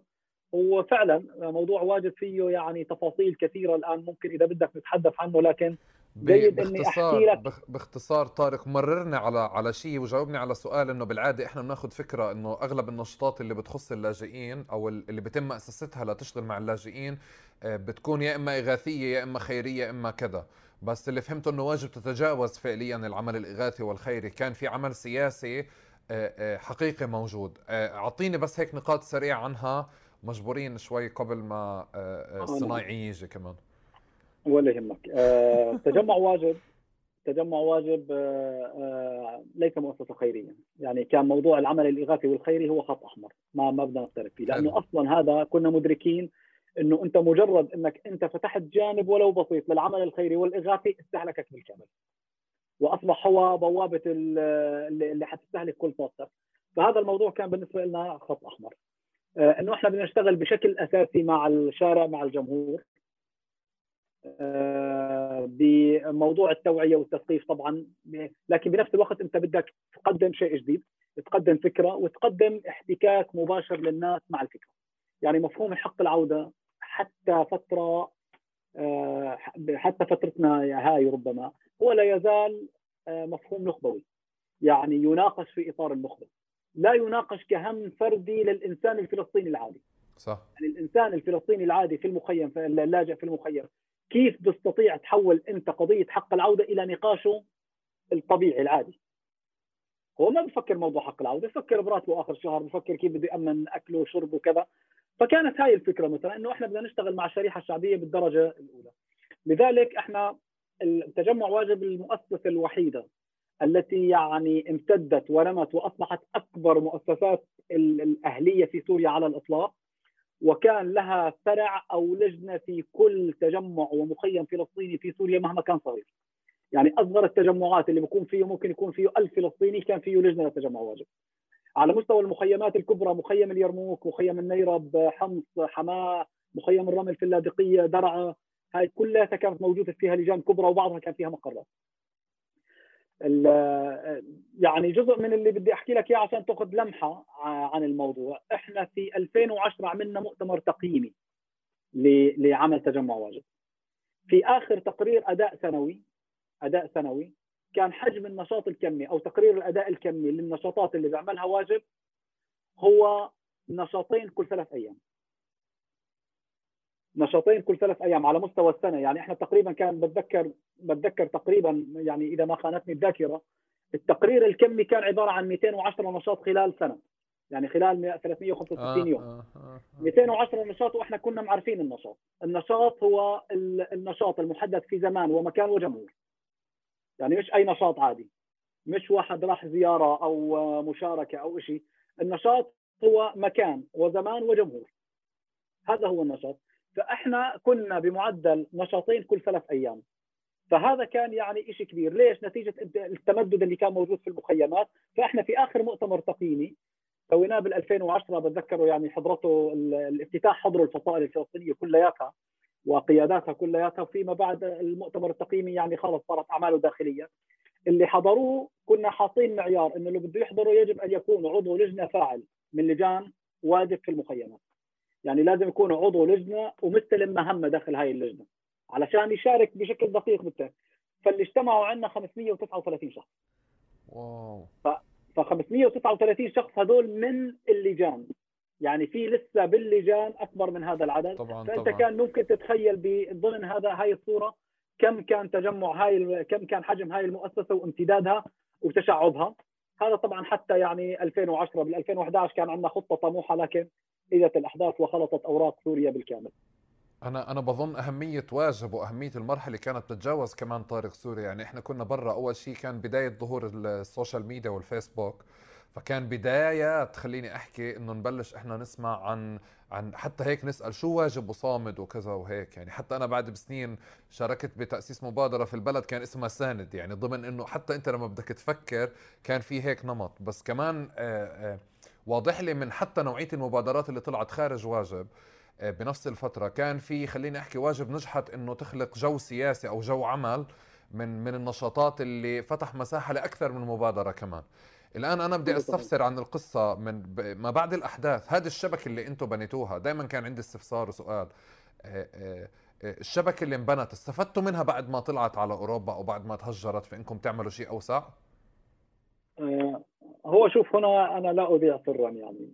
ربما هذا الكلام كان صعب مثلا قبل عدة سنوات أو قبل سنتين أو ثلاث. لكن الآن ربما يعني لا لن اذيع سر في هذا الموضوع. آه، تجمع واجب طبعا تعرض ل مثله مثل كل الأعمال اللي صارت في سوريا. في 2011 يعني صارت الأحداث في سوريا وبدأ يعني في تلمس. إحنا مبكرا اجتمعنا مع لجاننا ووضعنا يعني آه، خطة. ألف وب يعني تماما بتذكر وضعنا إنه إذا وصلت المرحلة إلى كذا بنفوت على الخطة دي. إذا وصلت المرحلة إلى كذا بنفوت على الهاي يعني كنا مجهزينها وكاتبينها وحاطينها ومعدينها واتفقنا فيها مع كل لجاننا بهذا الترتيب يعني. إنه إحنا الآن الأمور عفوا. إنه الأمور الآن وين رايحة؟ فواضح إنه الأمور ما حدا عرفان يتكهن فيها خاصة في فترة 2011 يعني في الشهور الأولى. فوضعنا خطة مباشرة. إنه إحنا إذا وصلنا إلى هون بدخل مباشرة. لأنه مثلا واحد من الخيارات اللي هو نهاية الخطة ألف أنه ينقطع التواصل بيننا. إحنا كلجان موجودة في كل المخيمات ممتدة من حلب حتى درعا. قد ينقطع التواصل. قد تقطع الاتصالات. لأنه كانت تنقطع الاتصالات بشكل كبير جدا بأمر من الحكومة لما تصير مظاهرات أو أي شيء. شو لازم نعمل؟ فكان أحد المؤشرات إنه إذا صار هيك وانقطع الاتصال ادخل على الخطة دي مباشرة اللي هي مكتوبة بين إيديك وأنت بتعرف شو شو بتتصرف.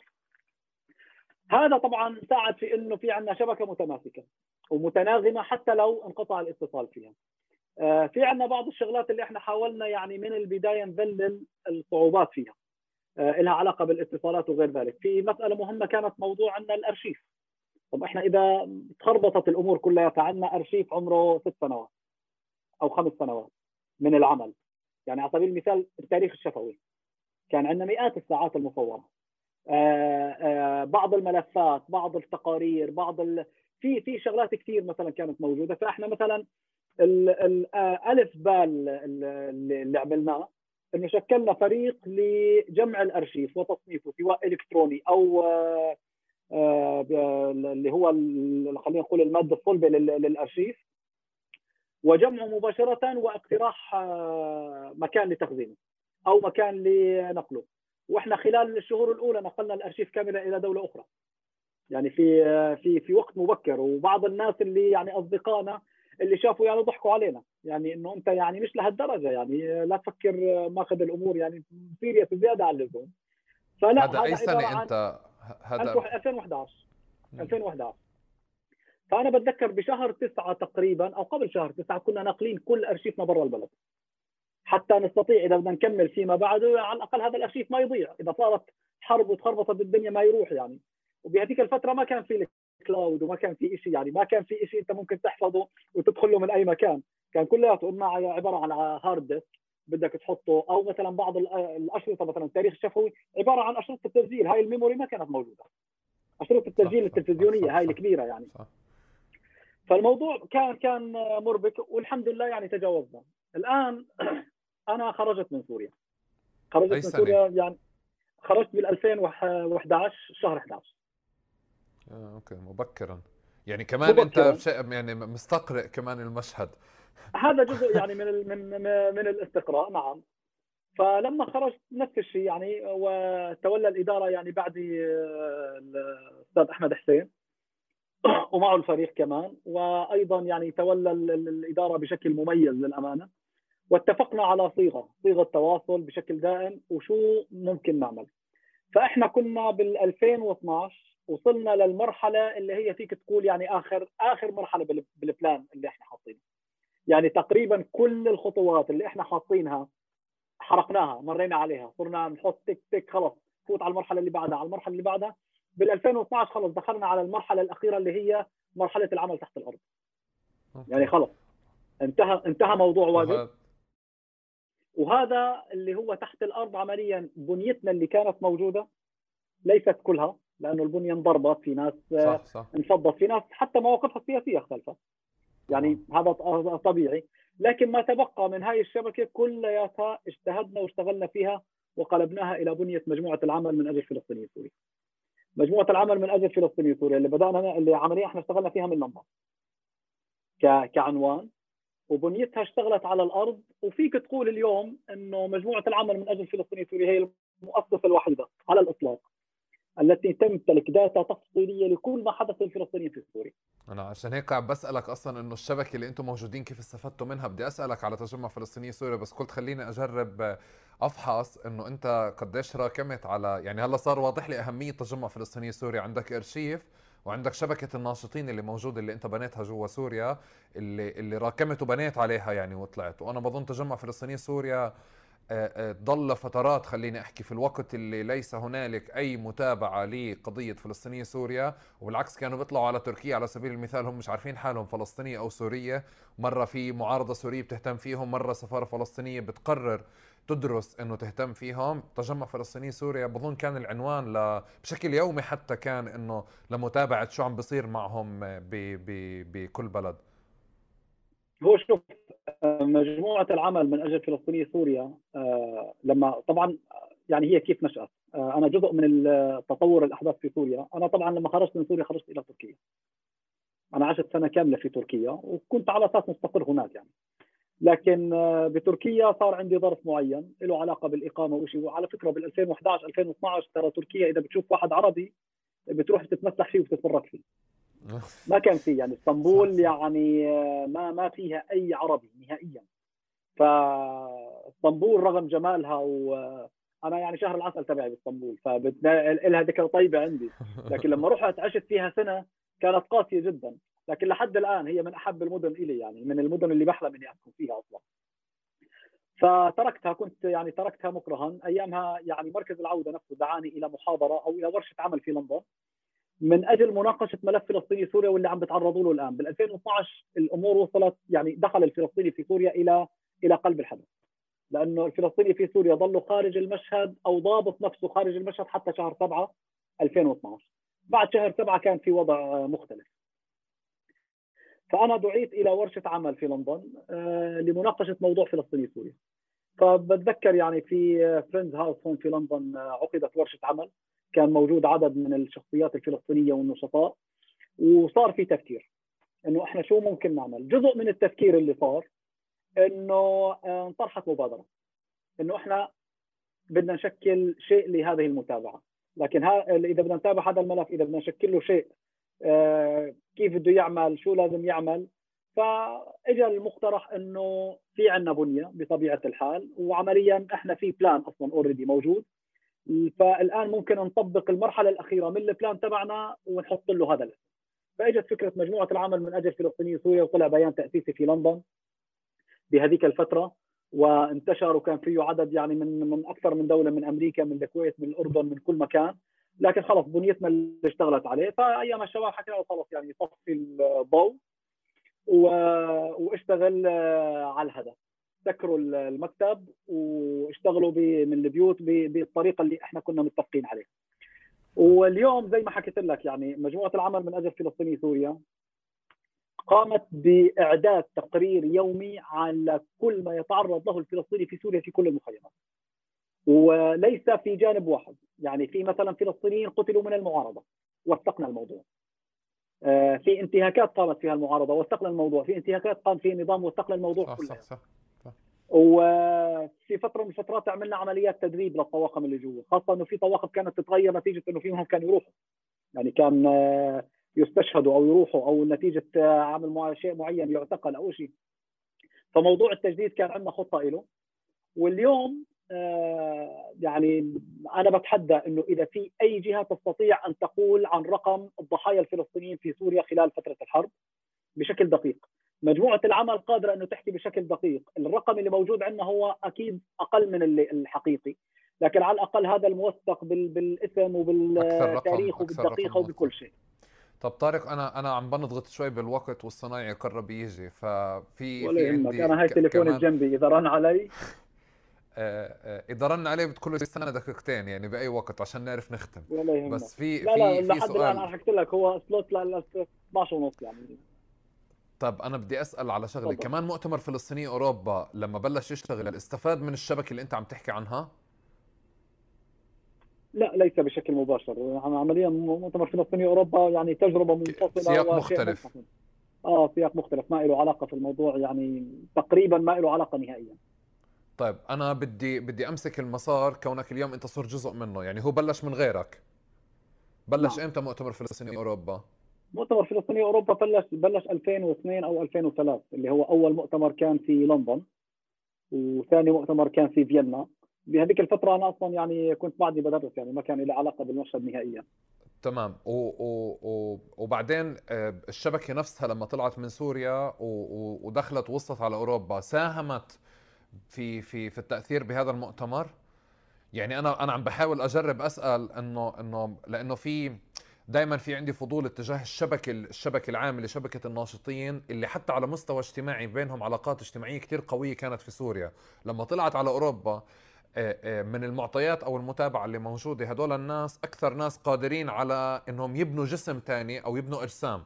الآن مجرد إنه دخلوا أو أو بلشوا يشتغلوا ضمن مؤتمر فلسطيني أوروبا أو حتى يشاركوا فيه بلشنا نسمع عنه بشكل أكثر يعني في الوقت اللي هو أنا بعرف إنه من قبل بكثير كان شغال وفاعل بس بالفترات هذيك أظن زي صار في نقلة نوعية على مستواه شوف النقلة مرتبطة بانتقال كم كبير من الفلسطينيين في سوريا إلى أوروبا. وليس بانتقال مثلا شبكة أو جزء منها أو غير ذلك، إحنا الشبكة تبعنا في جزء منها لحد الآن قائم في سوريا. في جزء منها أصلا يعني راح شيء إما قتل أو اعتقل أو غير ذلك. في ناس غادرت واللي غادر ترى غادر يعني إلى دول متفرقة، في ناس بلبنان، في ناس بتركيا، في ناس بأوروبا، في ناس بمصر، في ناس بدول أخرى. الناس اللي إجت على أوروبا هي أظن مرتبطة بالحالة الفلسطينية السورية العامة وليس في شبكة محددة فهذول الفلسطينيين بشكل عام فلسطينيين سوريا بشكل عام بظن آه، نتيجة يعني اقترابهم الحديث مع الحالة بشكل عام. حالة العمل من أجل موضوع حق العودة ومأسسه العمل لحق العودة. كان عندهم اهتمام مباشر في هاي الهياكل اللي موجودة في أوروبا. والهياكل الموجوده في أوروبا أنت إذا بدك تعدد هياكل في هياكل بالعشرات. لكن مؤتمر أوروبا الأميز فيها أو الأبرز خلينا نقول. والعنوان يمكن هو حتى تحالف بين الأجسام هاي كلها. لا هو هو مؤتمر فلسطيني. أوروبا هو تحديدا آه، مركز العودة الفلسطيني اللي بينظمه. ماشي؟ لكن دائما كان ينظمه مع جهة محلية. يعني لما يعقدوا في برلين بدور على جهة محلية. في برلين بينظموا بالشراكه معها. لما يروح على فيينا بدور على مؤسسة محلية وبينظموا معها. لما يروح على الدنمارك آه، أو على أي مكان. الآن آه، طب ثواني نتيجة... طارق أنا أنا أنا عم بسأل السؤال عم بسأل السؤال يعني عم بجرب هيك يعني صححني إذا أنا غلطان مركز العودة كان له دور بتأسيس كيانات كثيرة في أوروبا صح؟ صحيح. الآن يا بشكل مباشر يا بغير مباشر يا إما من خلال الشخوص أو من خلال يعني من خلال المركز بحد ذاته. فمن هون أنا نعم. عم بجرب يعني ما بتعامل مع مركز العودة بأنه هو مركز العودة في لندن يمكن أنت هلأ لأنك على رأسه والمدير العام لمركز العودة ففعليا أنت حذر شوي بالتصريحات. بس أنا مهم أوضح هون عشان يمكن لقدام لأنه اغلب يعني أغلب القراءات مركز العودة كان يمكن النواه لتاسيس هذه الكيانات كلياتها. آه لا هذا هذا هذا يعني آه هذا هذا مؤكد. هذا يعني مش مش سر أيضا. مركز العودة جزء من نشاط. أول شيء هو مركز عوده مرك يعني مقره في لندن. لكن هو مساحة العمل الأساسية تبعه أوروبا. يعني هاي رسالته في البداية لما تأسس في 96 الآن هو بيحاول يمأسس العمل أو يحتك مع أوسع شريحة. العنوان الأبرز الشعبي اللي حاول يشتغله في أوروبا هو مؤتمر فلسطيني أوروبا. الآن لما بده يشتغل مؤتمر فلسطيني أوروبا في أكثر من مدينة كان يحاول يبني شراكات مع مؤسسات أو كيانات محلية. الآن بشكل واضح مركز العودة عنده خلفية فكرية معينة وناسه يعني موجودين ليس بالسهولة إنه يعني تقبلهم تيارات أخرى. يعني على سبيل المثال تيار اليسار في أوروبا تيار قوي مثلا موجود. نتيجة أصلا قوة اليسار في الحركة التضامن الأوروبية اللي موجودة مع فلسطين. فهذا دائما يعني فاعل ناشط على مستوى نشطاء بعض مرات له مؤسسات مؤثرة شوي. كان لما يجي مركز عودة بده يعمل شراكة معهم كانت تكون هاي الشراكة يعني صعبة. حتى لما تنجح بتنجح لكن بتعقيدات كثير. وبتخرج مشاكل كثير. فصار في استراتيجية عند مركز عودة إنه أنا بروح على مؤسسة صديقة آه، في وحدة حال. إذا هاي المؤسسة غير موجودة أنا بشتغل على إيجادها. فبصير أنا بضرب عفوا بضرب عصفورين بحجر. بنشئ عمل يستمر بشكل دائم وبنفس الوقت بوجد شريك دائم لمؤتمر فلسطيني أوروبا. ولذلك مثلا مركز العودة هو مثلا لما راح على السويد شارك ودعم فكرة تأسيس مركز العدالة في السويد. لما راح على الدنمارك شارك في ودعم فكرة تأسيس المنتدى الفلسطيني بالدنمارك. ولما راح على ألمانيا ساهم ودعم في آه، تأسيس التجمع الفلسطيني في في ألمانيا. والتجمع الفلسطيني في إيطاليا. هاي كلها كان تأسيسها مرتبط بقدوم مؤتمر فلسطيني أوروبا. كحالة كحالة نشاط عام. بدها تعمل نشاط وبنفس الوقت أنا بدي أخليه حالة مستمرة فبنشئ له مؤسسة شريكة. هاي المؤسسة الشريكة بتستمر وهي المؤسسات قائمة. يعني في بعضها اندثر ما ما استطاع لأنه بعض مرات أنت بتعرف. في في حالة العمل العام ترى ليست المؤسسة العماد الشخص اللي بيستلم المؤسسة هو العماد. يعني في مؤسسة بتكون لها كل الإمكانيات لكن في شخص بيطلع فيها. صح. في مؤسسة بتعطيها إمكانيات وبتحط لها 10 أشخاص ما بيطلعوا فيها. وفي مؤسسات بدون إمكانيات لكن فيها شخص مبادر. ما بتحسه إلا طلع فيها وتقدم فيها وفرضها يعني فرض حضورها في في المشهد. طب أنا أنا بدي بدي أستفسر عن شغلة هون. كمان جزء من من من من تقدير أو قراءة فعليا إنه اليسار موجود وحاضر وهو شبكة موجودة وممتدة وقوية ولكنه أثره أو أو أوثر شغله حتى على مستوى فلسطين أو بالتعاطي مع الفلسطينيين بضل محدود. الآن في تجربة العودة شوي مختلفة. يمكن فكرة مؤتمر فلسطيني أوروبا الببليستي تبعته كثير عالية الإعلام تبعه كثير عالي سمع بكل مكان ويمكن هو الحدث الأكبر. بس فكرة إنه في شبكة عم تنبنى طول الوقت جزء منها إنه فعليا فاعل وجزء ثاني من آه، جزء ثاني لا. بس بشكل أساسي يمكن اللي بيميزها إنه هي ما كانت على ارتباط مباشر مع آه، آه، خلينا أحكي ضمن بيروقراطية أو أو الآلية أو ديناميكية الأحزاب الداخلية. اللي اعتدنا عليها ويمكن اليسار أو بعض مؤسسات اليسار شوي هي لساتها جزء منها. يعني مركز العودة هل فعليا ساهم هذا الحكي؟ وهون مش سر كمان يعني. ساهم فكرة إنه بعده خليني أحكي أو المسافة اللي عملها ما بينه وبين آه، آه، الفصائل اللي حتى قد يكون مقرب منها. آه، ساهم بنجاحه لأنه أظن لو كان لو كان تابع فعليا لقيادة في غزة أو أو قيادة في الضفة كانت حياتنا راح تكون كثير أصعب بأوروبا. شوف هو مركز العودة يعني هون أنا بأكد لك على معلومة ليس فيها أي مركز العودة فعلا لا يتبع وليس مرتبط بأي خطيب لا إسلامي ولا غير إسلامي. مركز العودة أصلا يعني آه، حتى فترة قريبة يعني كان يحصل تمويله من مؤسسات إسلامية. بحكم علاقة يعني الناس اللي أسسوه والناس اللي اشتغلوا عليه مع بعض المؤسسات المانحة الكبرى خاصة في الخليج. فهاي المؤسسات قدمت له ودعمته بشكل كبير جدا تقريبا حتى 2013 2014 بعد 2013 2014 مركز العودة عانى من من من أزمة كبيرة جدا. نتيجة إنه الظروف في الخليج اختلفت. وهذا موضوع التمويل ما أنت بتعرف يعني هذا سؤال أصلا يعني السؤال الرئيسي أمام أي مؤسسة عمل عام صح. في الدنيا كلها. صح.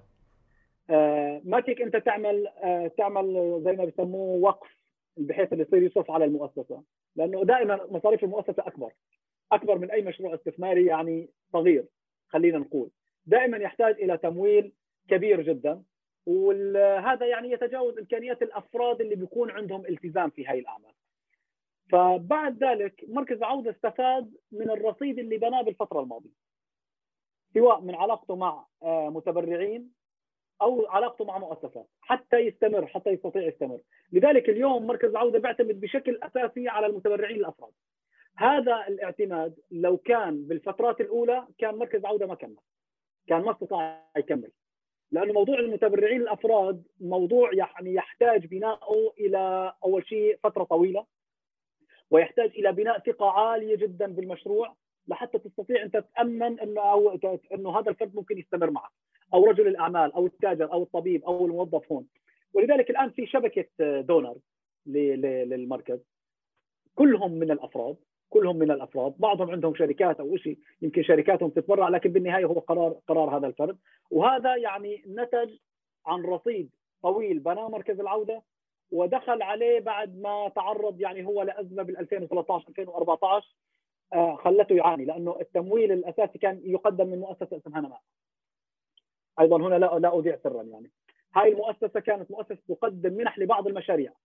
أي مشروع ممكن هي تقتنع فيه بصير يقدموا له منح. قدموا له مشاريع خيرية ومشاريع مرأة ومشاريع شباب وكذا إلى آخره.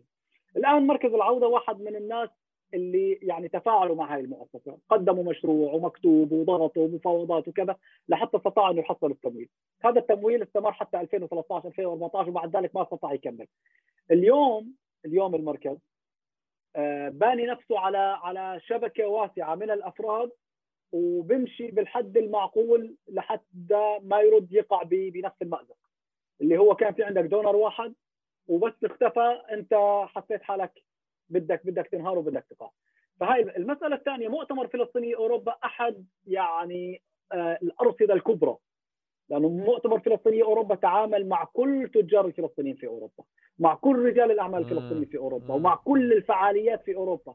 فهو عنوان كبير. الآن المؤتمر هذا كل سنة بنعقد مين بدعمه؟ بيجوا تجار برلين بدعموه وبيجوا تجار آه، الدنمارك. أو هون فهو استطاع يبني شبكة. المسألة الثانية المؤسسات اللي بناها علشان يحافظ على هاي الاستمرارية. اليوم هي مجلس إدارته. يعني مجلس إدارة المؤتمر هي عبارة عن المؤسسات سواء اللي بناها أو اللي استطاع إنه يعقد معها شراكات بدون تعقيدات كثيرة جدا في أوروبا. ولذلك اليوم تقريبا ما بعرف أنا 10 12 مؤسسة موجودين. هم عبارة عن مجلس إدارة المؤتمر وهي يعني متفرعة. وبالمؤتمر يعني ليس كلهم من منبع فكري واحد. اليوم في في ناس من اليسار أصبحوا على قناعة كبيرة جدا في مشروع مؤتمر فلسطيني أوروبا بعد ما تجاوزوا بعض الحساسيات والأسئلة الاستفهامات اللي كانوا يطرحوها في البداية دائما تجاه أي مشروع كبير من الممكن إنه يجي ويفرض نفسه في الساحة. طيب طارق أنا سؤال أنت كنت في واجب وخبرتني إنه أنت يعني كنت كنتوا مهتمين جدا بقضية العمل السياسي أو الوعي السياسي واللي أنا بنظري فعليا يعني آه، ممارسة العودة يعني هي هيك الواحد بمارس العودة مش مجرد إنه يحط يعلق المفتاح في البيت يعني. ومؤتمر فلسطيني أوروبا أنا بالنسبة لي هو أحد أشكال العمل المؤسساتي لممارسه العودة فأنا بطلع عليه بشكل كثير جد عندي استفسار أحيانا بشعر أو أو من المتابعة أحيانا بشعر إنه هو استعراض خليني أحكي لقوة الحشد ضمن قراءات مثلا واللي بعض الأحيان بعض التهم كانت إنه في هنالك سعي لخلق بديل عن منظمة التحرير أو هنالك مسار لخلق بديل عن منظمة التحرير. وأحيانا بشعر كمان إنه إنه ما في متابعة للناس بي بي بالشكل اللي أنت عودتنا قبل شوي حكيت عنه على قضية واجب. يعني بمعنى بنجيب الناس بيجوا بطبلوا برقصوا وهيك وهذا بمجرد جيتهم يعني مش بقلل من فكرة الفولكلور أو ال أو الشيء العاطفي أو الارتباط العاطفي لأني بطلع عليه إنه آه، آه، هو قد يكون دافع فعليا لخلق هوية أو تعزيز هوية. ولكن هل هنالك عمل مستمر ما بعد ما الناس تروح؟ أنا هذا آخر سؤال عندي طارق وبعدين بترك لك التعليق. هذا هذا سؤال مهم وعلى فكرة هو هذا سؤال السؤال المتكرر والمطروح دائما في نقاشات مؤتمر فلسطيني اوروبا بشكل دائم مطروح إنه إحنا هي اجى لعنا مثلا 15000 السنة طب كيف بدنا نستثمرهم؟ كيف بدنا نتابعهم؟ كيف بدنا كذا؟ طب السنة اللي بعدها اجى عنا 10 السنة اللي بعدها اجى أربعة السنة اللي بعدها لا اجى حسب المكان يعني وحسب الظرف وإلى آخره.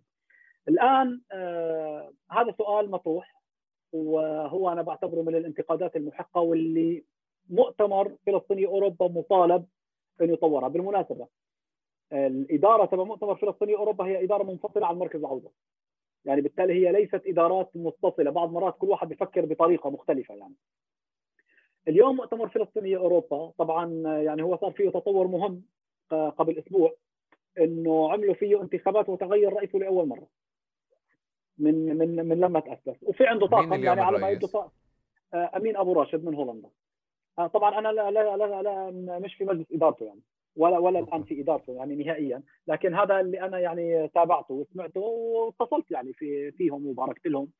آه، ففي في تطور معين إنه صار في تغيير شوي بإدارته. الآن المؤتمر أول شيء لما طرح نفسه هو مو طارح نفسه على إنه مؤتمر بده يرعى شؤون الفلسطينيين في أوروبا في كل الجوانب. هو طرح نفسه كفعالية شعبية سنوية تربط المجتمع الفلسطيني في أوروبا بالحدث الفلسطيني أو بالحالة الفلسطينية. وأنا بعتقد في هذا الهدف تحديدا نجح فيه نجاح باهر. يعني أنا بعرف عائلات كثيرة جدا بينظموا الإجازة تبعهم السنوية. صح. ماشي؟ يعني بيحددوها بس يعلن مؤتمر فلسطيني أوروبا اميت بيحددوها بصير الحجوزات بناء على ذلك. ولذلك كانت أحد التحديات على مؤتمر فلسطيني أوروبا إنه لما ينهوا البيان الختامي كان لازم يعلنوا موعد المؤتمر القادم وين. ليش؟ عشان الناس يكون معها سنة كاملة تجهز حالها. ماشي؟ فبهذا الموضوع أنا بعتقد إنه نجح. لكن مع ذلك هذا مش كافي لأنه أنت استطعت إنك تحقق حالة جماهيرية وشعبية مهمة جدا. ليش حتى أوقف عند الهدف اللي أنت حددته؟ لأنه الهدف تبعك أصلا هو هدف أنا بعتقد صغير.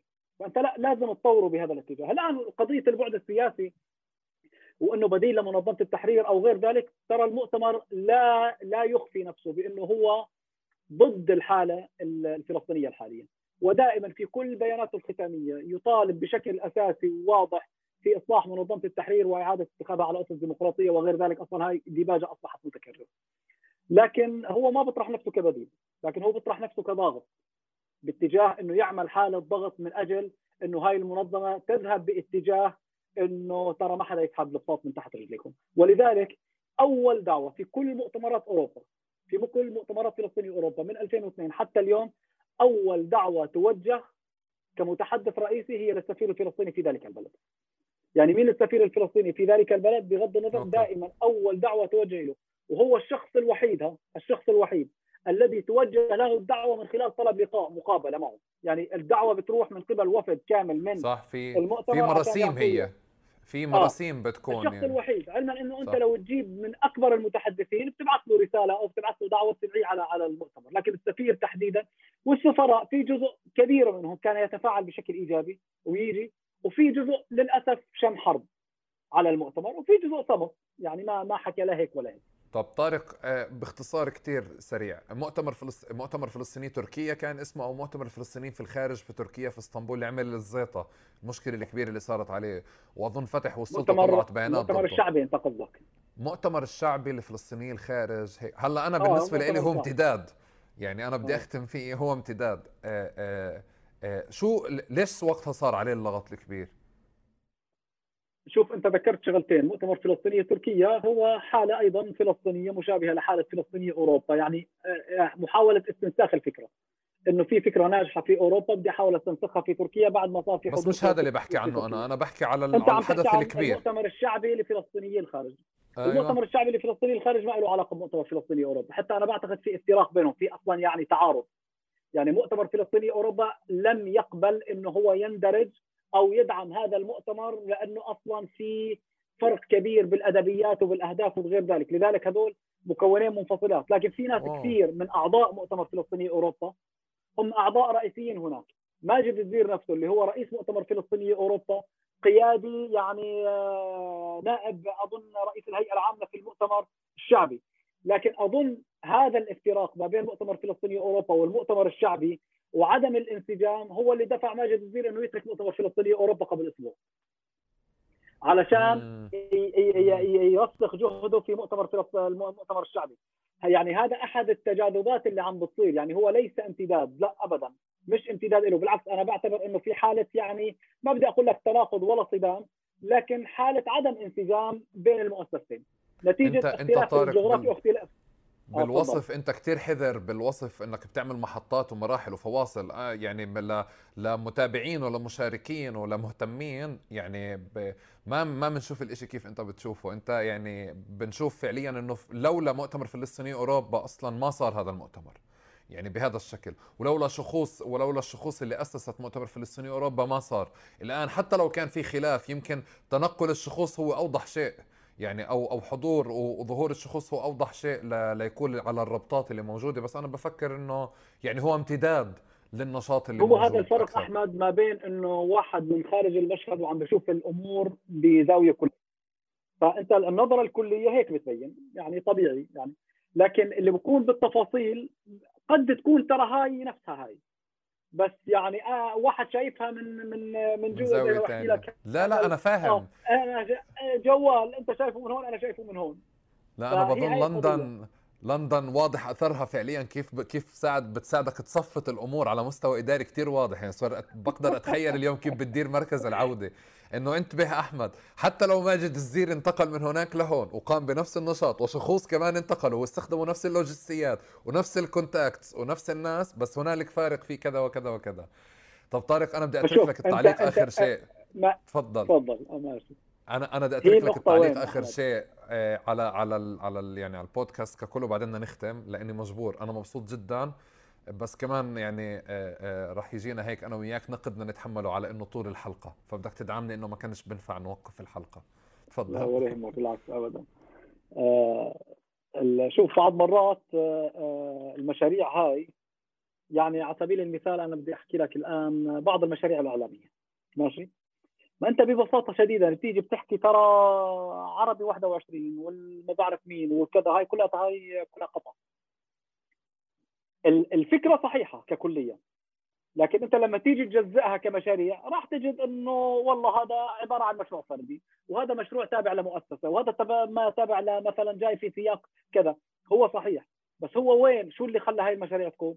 إنه في مظلة معينة عم ترعى عم ترعى هذا الجو العام. الآن نعم في مظلة عامة. آه ربما مؤتمر فلسطيني أوروبا والناس اللي شغالين بالعمل الفلسطيني في أوروبا وفي لندن جزء منها وساهموا بشكل كبير جدا في موضوع المؤتمر الشعبي. لكن أنا بحكي لك آه طبيعتنا كأشخاص اللي بكون ماسك على رأس شيء هون وبصح له يمسك رأس شيء هون بمسك الراسين مع بعض ما بحكي يعني. إلا إيش؟ إلا إذا هو صار أمام تحدي إنه لازم يتخلى. بهذا الموضوع. وأنا هذا اللي بحكي لك إياه يعني الآن اللي صار مؤتمر فلسطين يعني أنا بحكي لك جزء من اعتراضات مؤتمر فلسطيني أوروبا إنه إحنا غير قادرين قانونيا أصلا ننسجم مع أدبيات المؤتمر الشعبي. بمعنى يعني أنت ما فيك تيجي مثلا على سبيل المثال تدعم المقاومة المسلحة في بياناتك أو تدعم عملية استشهادية في بياناتك ماشي والمؤتمر الأوروبي يكون جزء منك. هذا أصلا بتحاسب عليه قانونيا. فما بيمشي الحال. فما بيمشي الحال لا يصير في دمج ولا انه يكون أوكي باجي بحضر هاي مسألة مسألة أخرى. آه، فهي بهذا الموضوع التجاذب والنقاش بهذا الموضوع. ولذلك يعني أنا بعتقد إنه مثل مثل آه، أستاذ ماجد هو صار أمام استحقاق. يا بتكون هون يا بتكون هون. لأنه ما ما ما عاد في مجال إنه إنه ينخلطوا مع بعض. فهي هاي القضية. لكن بشكل عام نعم أنت كل المشاريع اللي ممكن تشوفها ترى ممكن آخر شيء تصب باتجاه معين. وهذا طبيعي. يعني هذا لا يعني إنه في في آه، جهة معينة هي ماسكه الخيوط إنما هو صاب لأنه هذا الاتجاه هيك ماشي. هو أنا بفكر هذا تيبيكال هو العمل السياسي الفلسطيني فعليا. في تجاذبات وفي استقطابات دائما بس هي اللي بتخلق عمل والعمل يعني بيعكس وجهات نظر كمان الشخوص والناس اللي حاملينه والجهة اللي بالمظلة الأعلى اللي موجودة تحته. آه، بدك تحكي شيء طارق؟ آخر شيء لأنه أنا خلصت الحوار هذا. تحياتي. شكرا شكرا شكرا. آخر شيء أنتم كيف تعمل مقلوبة طارق؟ إحنا بنعملها بالباذنجان مو بالزهرة. باذنجان وإيش تحطوا معها؟ لا آه، باذنجان بشكل أساسي. بعض مرات بنضيف الزهرة لكن مو مو بشكل دائم. وبس يعني آه، حتى البطاطا مو مو بشكل دائم يعني. يعني هي بتفضلها مع لحمة ولا دجاج؟ لا طبعا مع لحمة يعني. الآن باكلها مع دجاج عشان الدايت بس بس هي مع لحمة يعني. طيب يا جماعة شكرا شكرا للمتابعة. وإحنا يعني طولنا بس يعني كان في محطة مع طارق وبالنص اجاني شعور إنه أنا ممكن أقول لطارق بدنا نفتح جزء ثاني بس ما بدنا. راح نرفع الحلقة كما هي من غير تقطيع ولا شيء. بنتمنى تتفاعلوا وتشاركوا الحلقة هذه وتتفاعلوا معها وتخبروا أصحابكم وأصحاب أصحابكم وتحكوا للفلسطينيين في سوريا إنه طارق حمود حكى كثير اشياء عنهم. والفلسطيني في أوروبا إنه طارق حمود نقد يعني حالات كثيره وتفاصيل كثيره موجودة عندهم. طارق شكرا جزيلا لك ويعطيك ألف عافية. تحياتي أحمد. تحياتي أحمد شكرا لك.